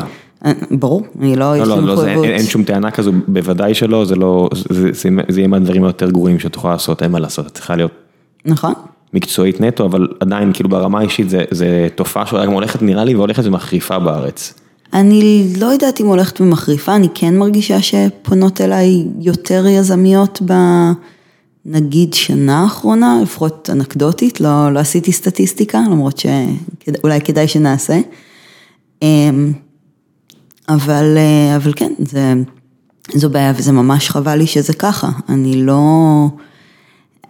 זו אולי שיחה לפודקאסט שלם, יש לי כמה רעיונות, אבל אני לא, אני לא חושבת שאנחנו עוד יודעים איך, איך פותרים את זה. ו... טוב, בוא נעבור לשאלות מהקהל, ואם יש לך בסוף, נקדיש את העניין הזה של, ההמלצות בסוף, לכמה הצעות שיש לך לשיפור המצב, בשתי דקות, שלוש דקות האחרונות, ונראה לי שזה, אם זה יכול להביא ערך, אז, אז עשינו טוב. נתנאל בולג שואל, אם הסיכוי האפסי להצליח וכל הקשיים בדרך, האם בכלל שווה לפתוח סטארט-אפ? וואו. אחי, תגידי לו. וואו, אוקיי, אז יש לי תשובה לא פופולרית. אני חושבת שהדבר הכי טוב שבן אדם יכול לעשות עבור עצמו, זה לדעת במה הוא הכי הכי טוב ומה חסר לו. יש אנשים שמה שהם הכי הכי טובים בו ומה שהם הכי הכי צריכים לעשות זה לפתוח סטארט-אפ. ויש אנשים, ו- ואני רואה את זה בעיקר עם אנשים עם יכולות טכנולוגיות יוצאות דופן, שאצלהם החוכמה או ה... אה, מה שיקבע אם הם יצליחו או לא זה לדעת למי לחבור. והתשובה המבאסת היא שהרבה פעמים על לדעת למי לחבור זה, זה, זה לא בטופ, זה לא בלהקים צוות יזמי, זה, זה בלהיות עובד ראשון, זה, זה בלהצטרף לסטארט-אפ הנכון. ו, ומשם אתה בעצם, אתה רותם את הסוס שלך לעגלה הנכונה ו, ו, ואתה מזניק את עצמך למסלול קריירה הרבה יותר מהותי והרבה יותר רציני משהיית עושה אם, אם היית ב top, אבל ב top של ארגון קטן. או כושל. או כושל, נכון. האמת היא שהמשחק נהיה כל כך מורכב ו- ומוכוון הצלחה, שאם אתה לא מוקף באנשים הנכונים, הסיכוי שלך להצליח היום הוא לא שואף לאפס, לצערי הוא אפס. וזו ההמלצה האישית שלי, אם אתם לא מרגישים שאתם מוקפים באנשים הנכונים, תוותרו קצת על אגו ולכו להקיף את עצמכם באנשים הנכונים, גם אם זה אומר שאתם לא הפאונדרים או דברים כאלה. ובכלל, אתה יודע, זה משחק של כמה אתה מוריד סיכון, תעבוד בקורפרט, הסיכוי שלך שזה ייסגר מחר כנראה יורד לכמעט אפס, ואם אתה עובד בסטארט-אפ שמתחיל עכשיו, הוא עולה מאוד, אבל אם אתה לא מוקף באנשים הנכונים, זה לא אפסי, זה אפס. זה, ב-2019, זה, אני אגיד את זה בצורה הכי ברוטלי אונסט, זה ההמלצה האישית שלי. נכון. אם אין לך את המזל, את הפריבילגיה, תוותר על הפעם הראשונה ורק פעם הבאה, תעשה את זה אחרי שאתה מגיע או מגיעה בעדיפות לסיטואציה שאת כן מוקפת באנשים הנכונים. עמית מאירוביץ' שואל, מהניסיון שלך, איך מחנכים ילד ובייחוד ילדה להיות אדם שמעז ולא מפחד לסטות מתבניות הרגילות של החיים? שאלת השאלות. וואו, מהניסיון שלי על איך מחנכים ילד, אני חושבת שהוא לא, אפס, זה... אבל... לא, זה, אני חושב שזו השאלה כי את מישהי שהעזה מלא. זאת אומרת, את בגיל נורא צעיר, עשית המון, לקחת הרבה סיכונים, הוא נראה לי שואל עלייך. כאילו, איך, איך מובין, איך מחנכים מישהו, מישהי, לקחת סיכונים כמו שאת לקחת, ולהעז ולשאוף. זו שאלה ממש טובה, כי, כי קצת קשה לי... אני זוכרת שגדלתי בהרגשה שכאילו אני לא יכולה לפשל, כאילו לא, לא משנה מה אני אעשה, אני, אני כאילו, קשה לי להגיד איך נותנים את ההרגשה הזאת ל, לילד, כאילו אולי כל עוד באמת באמת מאמינים ביכולות שלו ונותנים לו להבין את זה. אבל נראה לי הנקודה הכי קשה זה מה קורה כשהילד רוצה נניח לפרוש מתלפיות, או רוצה, רוצה לקחת מסלול שההורה פחות מסכים איתו, אז, אז אולי, אולי ה challenge שם הוא, הוא באמת לדעת לחגוג כל מה שהילד עושה, ולא לא רק ההחלטות שאתה מסכים איתן. להעצים. כן. אותה. אותה, אותו, כן. כן, אותו החברה מציעה מספיק. לא שזה לא, את יודעת, לי יש בן וזה גם אתגר שאני מתחבט בו הרבה איך לעשות את זה נכון, אבל אני גם מודע לעובדה שאותו הרבה יותר קל מאשר אותה, מהבחינה הזאתי. זה, זה מעניין, האמת שהולכת להיות לי בת, אז אני הולכת, אה, אה, שישאל אותי עוד שלוש שנים, אני חושבת שאני אדע הרבה יותר. כל שלוש שנים מעכשיו ועד 2050, כן. אני בטוח שהתשובה גם שלי וגם שלך תהיה שונה. גיא הורוביץ, שהוא גם משקיע הון סיכון, א' אומר אורחת מרתקת, שאלה ממני, איזו עצה או טיפ, אם היית מקבלת בתחילת הדרך או בתחילת הקרן, הייתה חוסכת לך זמן, כסף, עצבים או אכזבות? ושאלת בונוס, אבל קודם כל אני אפנה את השאלה הראשונה. וואו, טוב אז דבר ראשון, היי גיא, הוא גם אחד האנשים שאני לפעמים מתייעצת איתם, אז כיף לשמוע ממנו. וואו, איזה עצה. אני חושבת, אוקיי, זה האמת שזה די קל. שלהשיג את ההשקעות, שהעבודה הזאת היא הרבה הרבה הרבה פחות על לבחור את ההשקעה הטובה, הנכונה, והרבה הרבה יותר על למצב את עצמך בצורה שאתה אטרקטיבי לסטארט-אפים ולהשיג את ההשקעות הטובות, שאני בעצם הרבה הרבה הרבה יותר משווקת מאשר קונה. וזה קשור. את קונה מעט מאוד פעמים ואת משווקת מלא. כן, כן, ו, והערך האינטרינזי שלי בתור קרן הוא הרבה הרבה יותר חשוב מהחלטה טובה או רעה אחת שעשיתי בנוגע לסטארט-אפ מסוים. אז... כן, אפשר לדבר על זה, נראה לי אולי פעם הבאה, מתי שיהיה לך עוד אה, שעה עבורי, אפשר גם לרדת אולי ל nitty and gritty, בדברים האלה של איך להגדיל funnel וכל מיני כאלה. אה, אלעד, אה, עדן יוסף שואל, איך זה להיות מישהי עם ביוגרפיה כל כך מרשימה בקטע קיצוני? וואו. איך השתן לא עולה לך לראש? בואי, אני אסנן, אני אוסיף את השאלה. אה, זה מאוד קל, כי... בוא, טוב, בוא, בוא, לצורך השאלה ננכס לעצמי את הטייטל שהוא אה, העניק לי, אפילו שאני מרגישה קצת לא נוח עם זה. אה, לא, זה שיש לך ביוגרפיה מרשימה זה עובדה. אז כן, אז, אז איך זה להיות ככה? זה מאוד מאוד מלחיץ, כי בסופו של דבר, אז אתה יודע, 36 שנים ראשונות, אה, אספתי את כל הכוכבים האלה וזה. אבל אה, יאללה, הגיע הזמן להביא תוצאות, הגיע הזמן אה, אה, להחזיר כסף למשקיע שלי, לבנות קרן ענקית, אה, אה, להיות אה, קשורה במסע של החברות הכי הכי גדולות והכי טובות. ואני לא קמה בבוקר ומסתכלת במראה ואומרת, אה, וואי, איזה מגניב שעשיתי את כל הדברים האלה, זה הפוך, אני כזה, MIT היה כבר לפני שמונה שנים, מה, מה אני עשיתי היום? זה, זה, זה הרבה יותר על, על איך לוקחים את היכולות האלה ו, ומשתמשים בהם להביא ערך. אה, מיכאל אה, לופיאנסקי שאל, פה הרבה שאלות, בוא ניקח נגיד אחת מהן, מה הטכנולוגיה העתידית או התפיסה, תפיסות שהכי מרגשות אותך? וואו, שאלה קשה.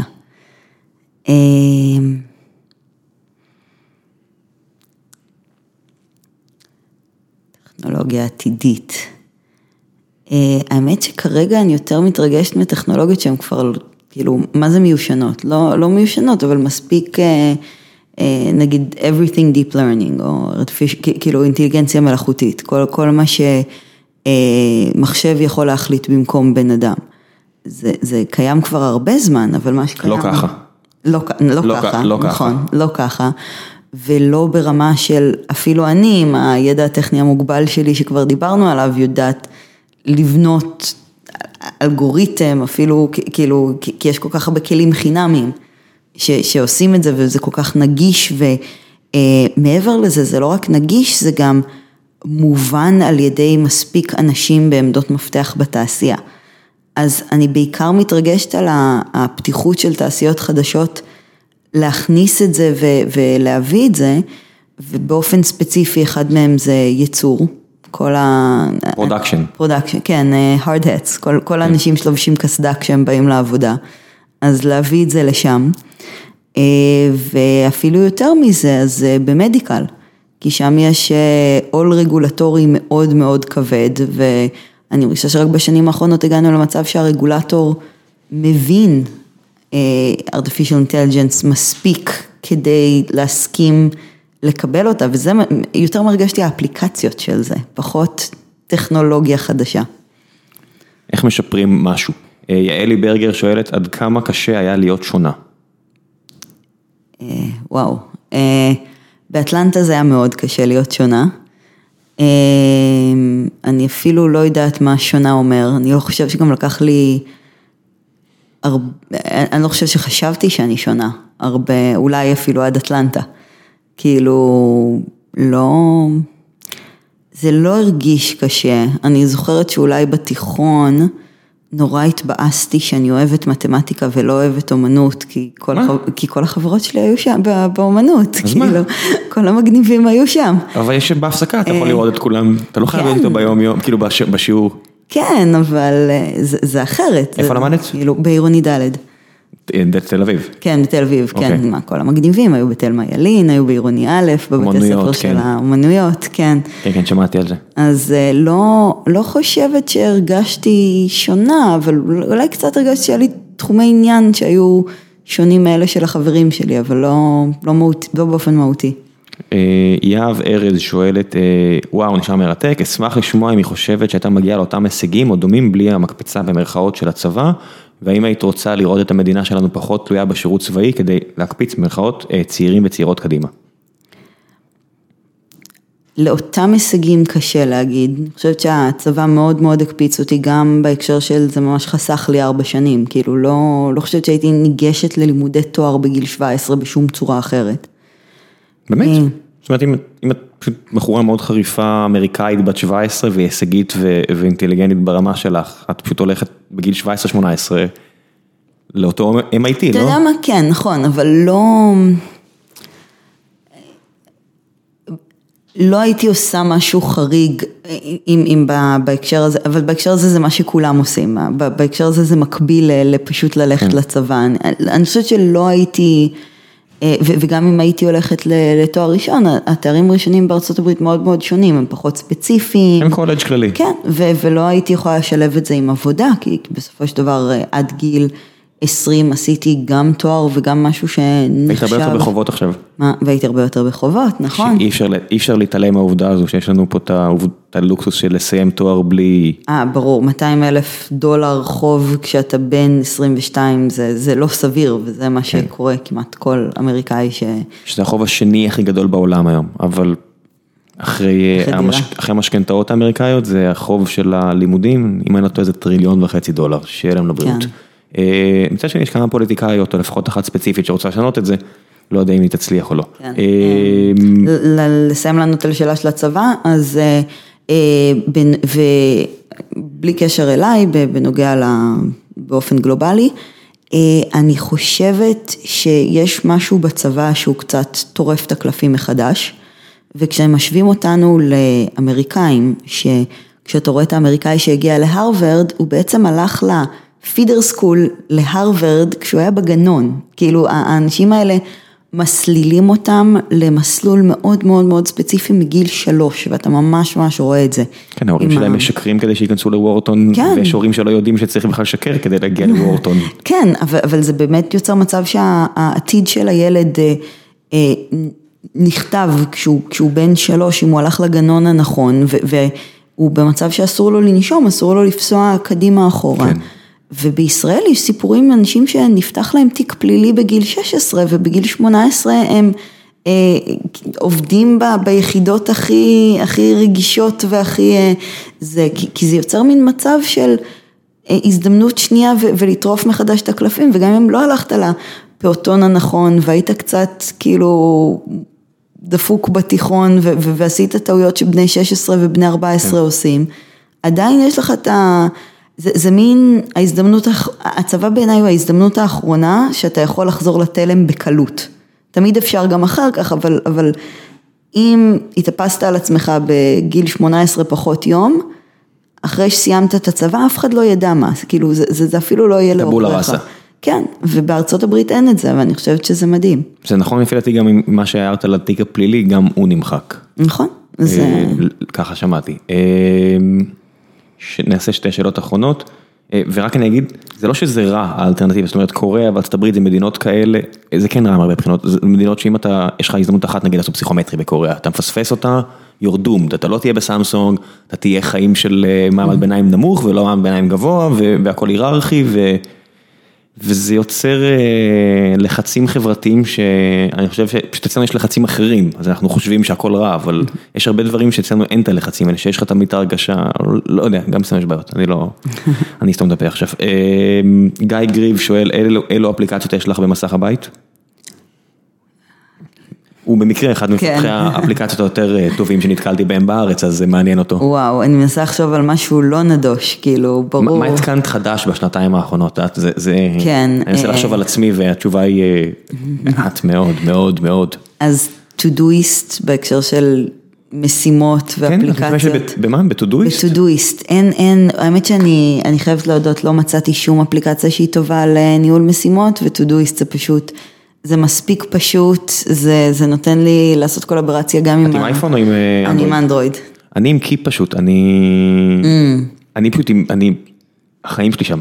זה... אבל אני ממש אה, נציונל סוציאליסט מהבחינה הזו, זה, זה נראה רע. אני בטוח שאני אונס את המערכת לצורה משהו שהוא לא הגיונית. טודויסט את מומלצת את אומרת? אני, אני לא מצאתי משהו שמנהל לי את הניהול משימות טוב, אז יש לי שילוב של starred בג'ימל, Todoist, והמערכת deal flow שלי, ושלושתם ביחד מכסים לי את ה-use case המאוד מאוד ספציפי שלי.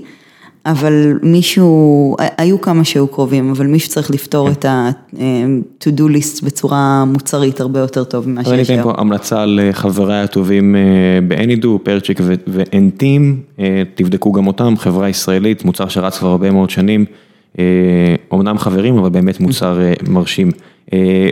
עופר יזהר ברנע שואל, האם גם, נעשה שאלה אחרונה ואז נעבור להמלצות, האם גם בישראל יראו עלייה בהשקעות בביוטק בשנים הקרובות בדומה למה שקורה עכשיו בעמק הסיליקון? אני מאמינה שכן ואני גם מקווה שכן, כי אני חושבת ששם, גם בהקשר למה שאמרתי של אינטליגנציה מלאכותית, אני חושבת ששם יש עוד הכי הרבה ערך שלא נתפס, אם תסתכל על אדטק אז כל עלייה אפשרית ב-conversion rate שאי פעם יכלנו לבצע, כבר חמש חברות ניסו לתקוף אותה. כן, והרמה כל כך גבוהה, זאת אומרת, הרמה נדרשת כל כך גבוהה, זה ממש... כן, כאילו, לוקחים טנקים כדי... להוריד גבעה. כן, כן, ממש ככה. ובביוטק זה עוד לא המצב, יש אולי תתי נושאים בביוטק שכן, אבל יש עוד הרבה הרבה בלו אושן שם. את צריכה לסגור פערים בביולוגיה? כל הזמן. כן, את מוצאת עצמך כאילו קוראת מאמרים במשהו שלא היה לך נגיעה, באמת? גיליתי את פאבמד לאחרונה, אחותי רופאת עור, אז אפילו שזה לא התחום, כבר כמה פעמים ביקשתי ממנה להסביר לי על מקרופגים וחלבונים ורספטורים. לפעמים, לרוב זה לא מגיע כזה עמוק, היה לי איזושהי חברה שממש ממש נכנסנו לעומק ביולוגיה ברמה הזו, אבל כן, ממש לאחרונה אפילו יותר. איך סוגרים פער ממישהו שעושה את זה כל חייו, או מישהי שחוקרת משהו ספציפי והיא פרופסורית או דוקטורית למשהו ספציפי, ואת מגיעה מבחוץ וקראת על זה חודש. אוי, לא. חודש זה מטורף, כאילו, זה מטורף להתאבד על חברה. בדקה ה-90 שאני אספר לך את הסוד הכי גדול של המשקיעים, אנחנו לא באמת יודעים כלום על כלום, אנחנו יודעים מספיק כדי להבין דינמיקה של תעשיות, ואנחנו שואלים שאלות שהן עושות לנו קיצור דרך, כמו... מה אתם עושים שונה מהחברה הזאת, מתקשרים למומחה ושואלים בשוק הזה מה משנה ומה לא, אז אתה לא מגיע למצב שאתה יודע לעשות את זה, לדעת לעשות את זה, זה הרמה הכי גבוהה של ההבנה, אבל... זה לא נחוץ. ב... לא, ולפעמים זה אפילו מפריע, מה שאתה צריך זה, זה להיות ה... מצד אחד אינטליגנט, מצד שני לא מיודע בכלל, ולשאול את השאלות הטיפשיות. כן, כי אם אנחנו סוגרים מעגל לחמש דקות הראשונות, הרבה אנשים שידעו ממש טוב את האלפיים עמודים של התקן של ויימקס, לא ידעו שזה הולך להיחשב.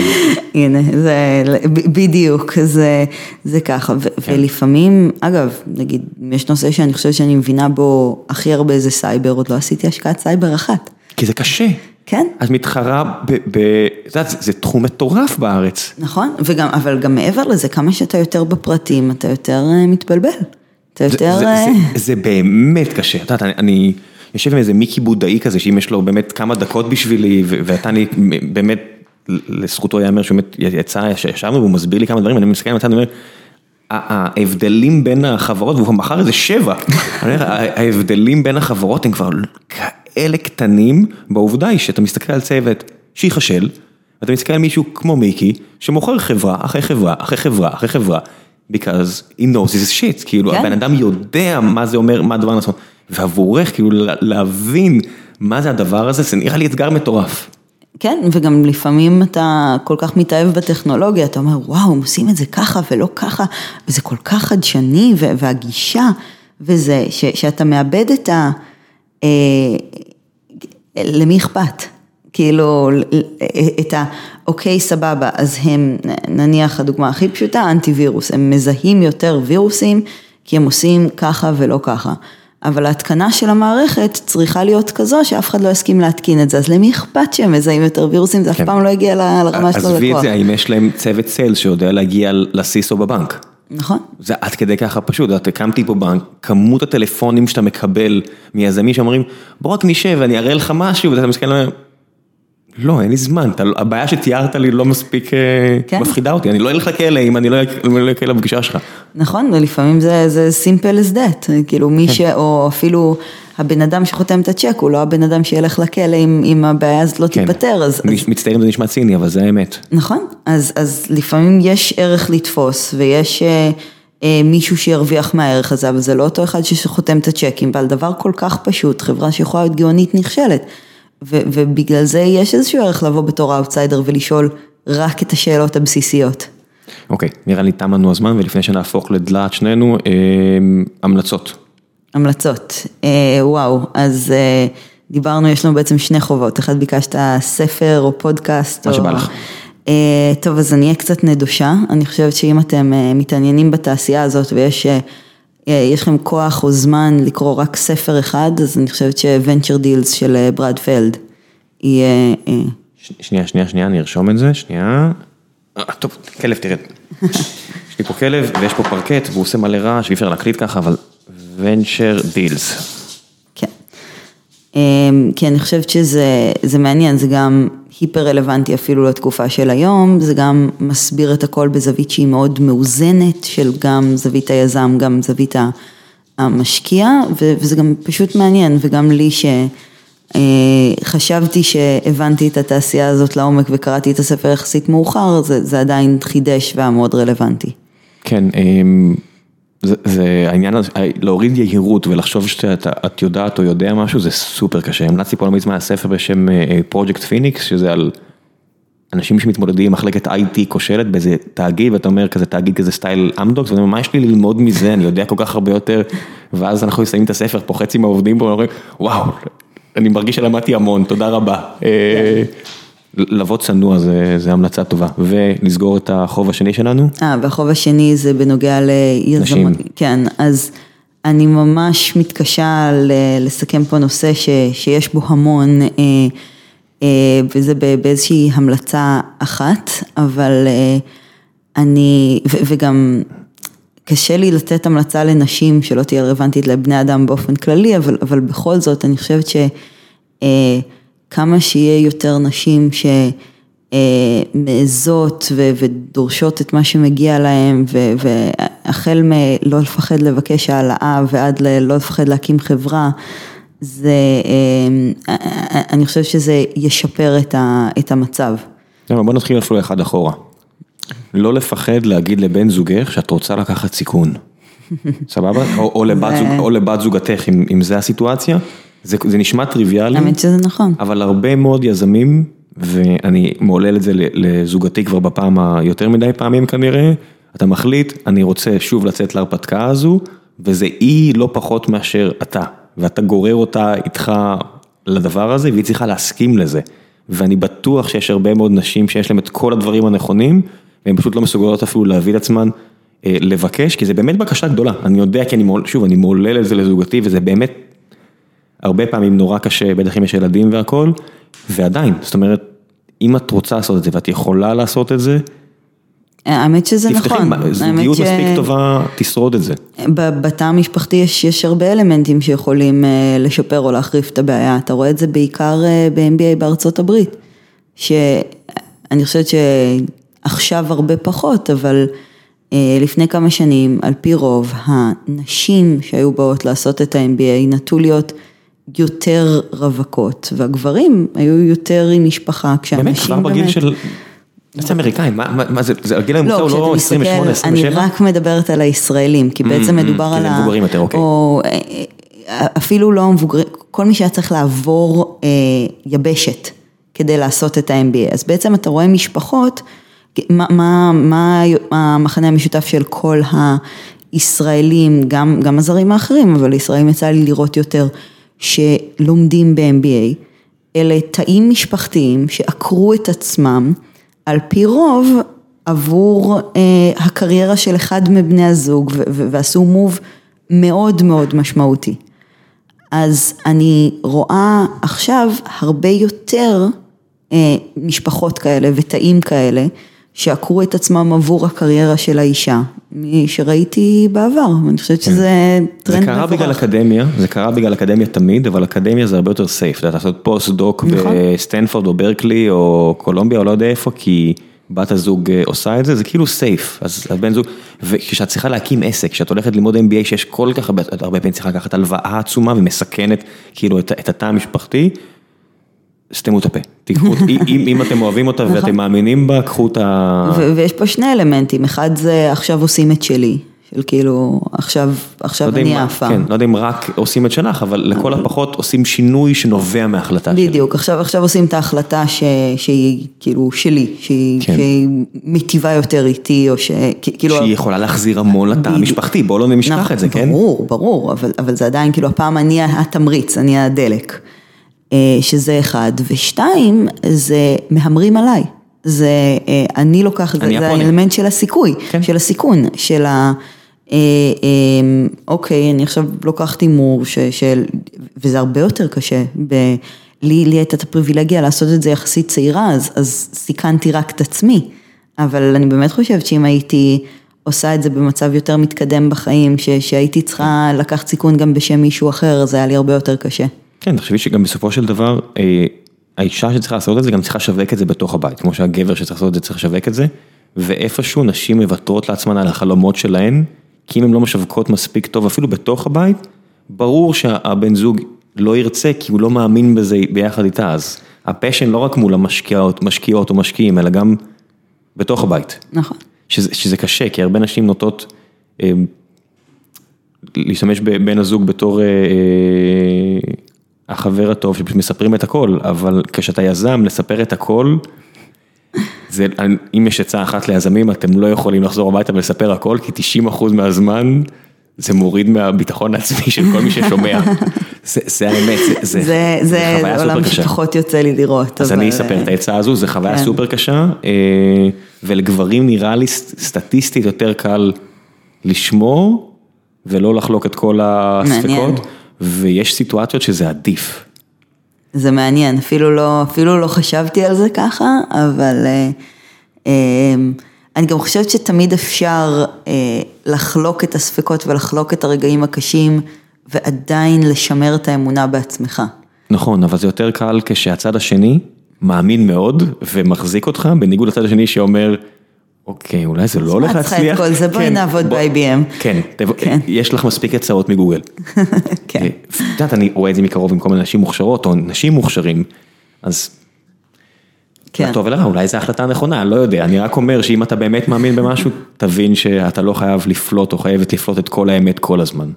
אה, מעניין, זה נכון. זה קצת ציני, אבל אה, משהו שלי עוזר בעולם הזה זה אה, לדמיין, אבל ממש לדמיין, סיפור מלא שהתפקידים בהם הפוכים, ואם זה נשמע לי הגיוני, אז להכריח את עצמי ש... ש... כאילו לדמיין גבר אישה הפוך, כן. ואם הסיטואציה נשמעת הגיונית, אז ללכת על זה בכל הכוח, כי מה- אם זה... מה- מה התסריט האחרון אצלך, אני מדמיין הצלחה של חברה, מה האקט, ה- מה הפוסט בפייסבוק של אה, Good Job Team, מה, אה, איך זה נראה מהצד של משקיעה? אה, לא, אני, אני, כאילו, לדמיין את זה, הפ- התכוונתי לדמיין את זה הפוך, התכוונתי... ב- הסיטואציה המגדרית. המגדרית, כן, אז, אז נניח חופשת לידה, נניח, אה, אה, אה, כש, כש, האם הגבר ייקח חופשת לידה, ואז תדמיין, אישה אומרת, אני הולכת לקחת חופשת לידה, וזה נשמע הדבר הכי הגיוני בעולם. כן. אז, אז כן, אז נשמע הגיוני, אז, אז למה שזה יישמע לא הגיוני כשהגבר מבקש את זה, כאילו, מה, מה הבעיה? נכון. אז אני רק נסיים במשהו חיובי. מה, איך נראה הסצנה האחרונה שלך עם חברה, שאת מדמיינת את הסיפור עד הסוף? הס, הסצנה, ש- האח- ש- שאת מדמיינת את הסרט שלך משקיעה בחברה. איך נראה הסוף השמח? מה, הטלפון של הברכות, הלפתוח שמפניה בחדר, איך נראה כאילו מהצד של המשקיע הסוף הטוב? איך אני מדמיינת את זה, כן. או מה, אה, וואו, זו שאלה ממש ממש טובה. אני לא, אפילו לא הגעתי למצב שאני אה, מדמיינת את זה, אבל אה, כן, יש, יש הרבה חברות שלי שאני באמת מדמיינת אותן אה, נרכשות ונרכשות על ידי אה, חברה שיש שם הרבה סינרגיות ושאני רואה איך הם כאילו כובשים את העולם בתוך הפלטפורמה החדשה הזאת. אבל יש לי גם חברות שאני רואה אותן, לא, לא רוצה לראות בכלל את הסוף, כי, כי כשחברה ממשיכה, ממשיכה לגדול וממשיכה זה, אז, אז אתה יודע, אז לא, לא, לא, לא צריכה את הכסף שלי חזרה, שימשיכו. שיקימו אימפריה. כן. יפה מאוד. תודה רבה רבה שהגעת. תודה יאללה, רבה. אה, ביי ביי.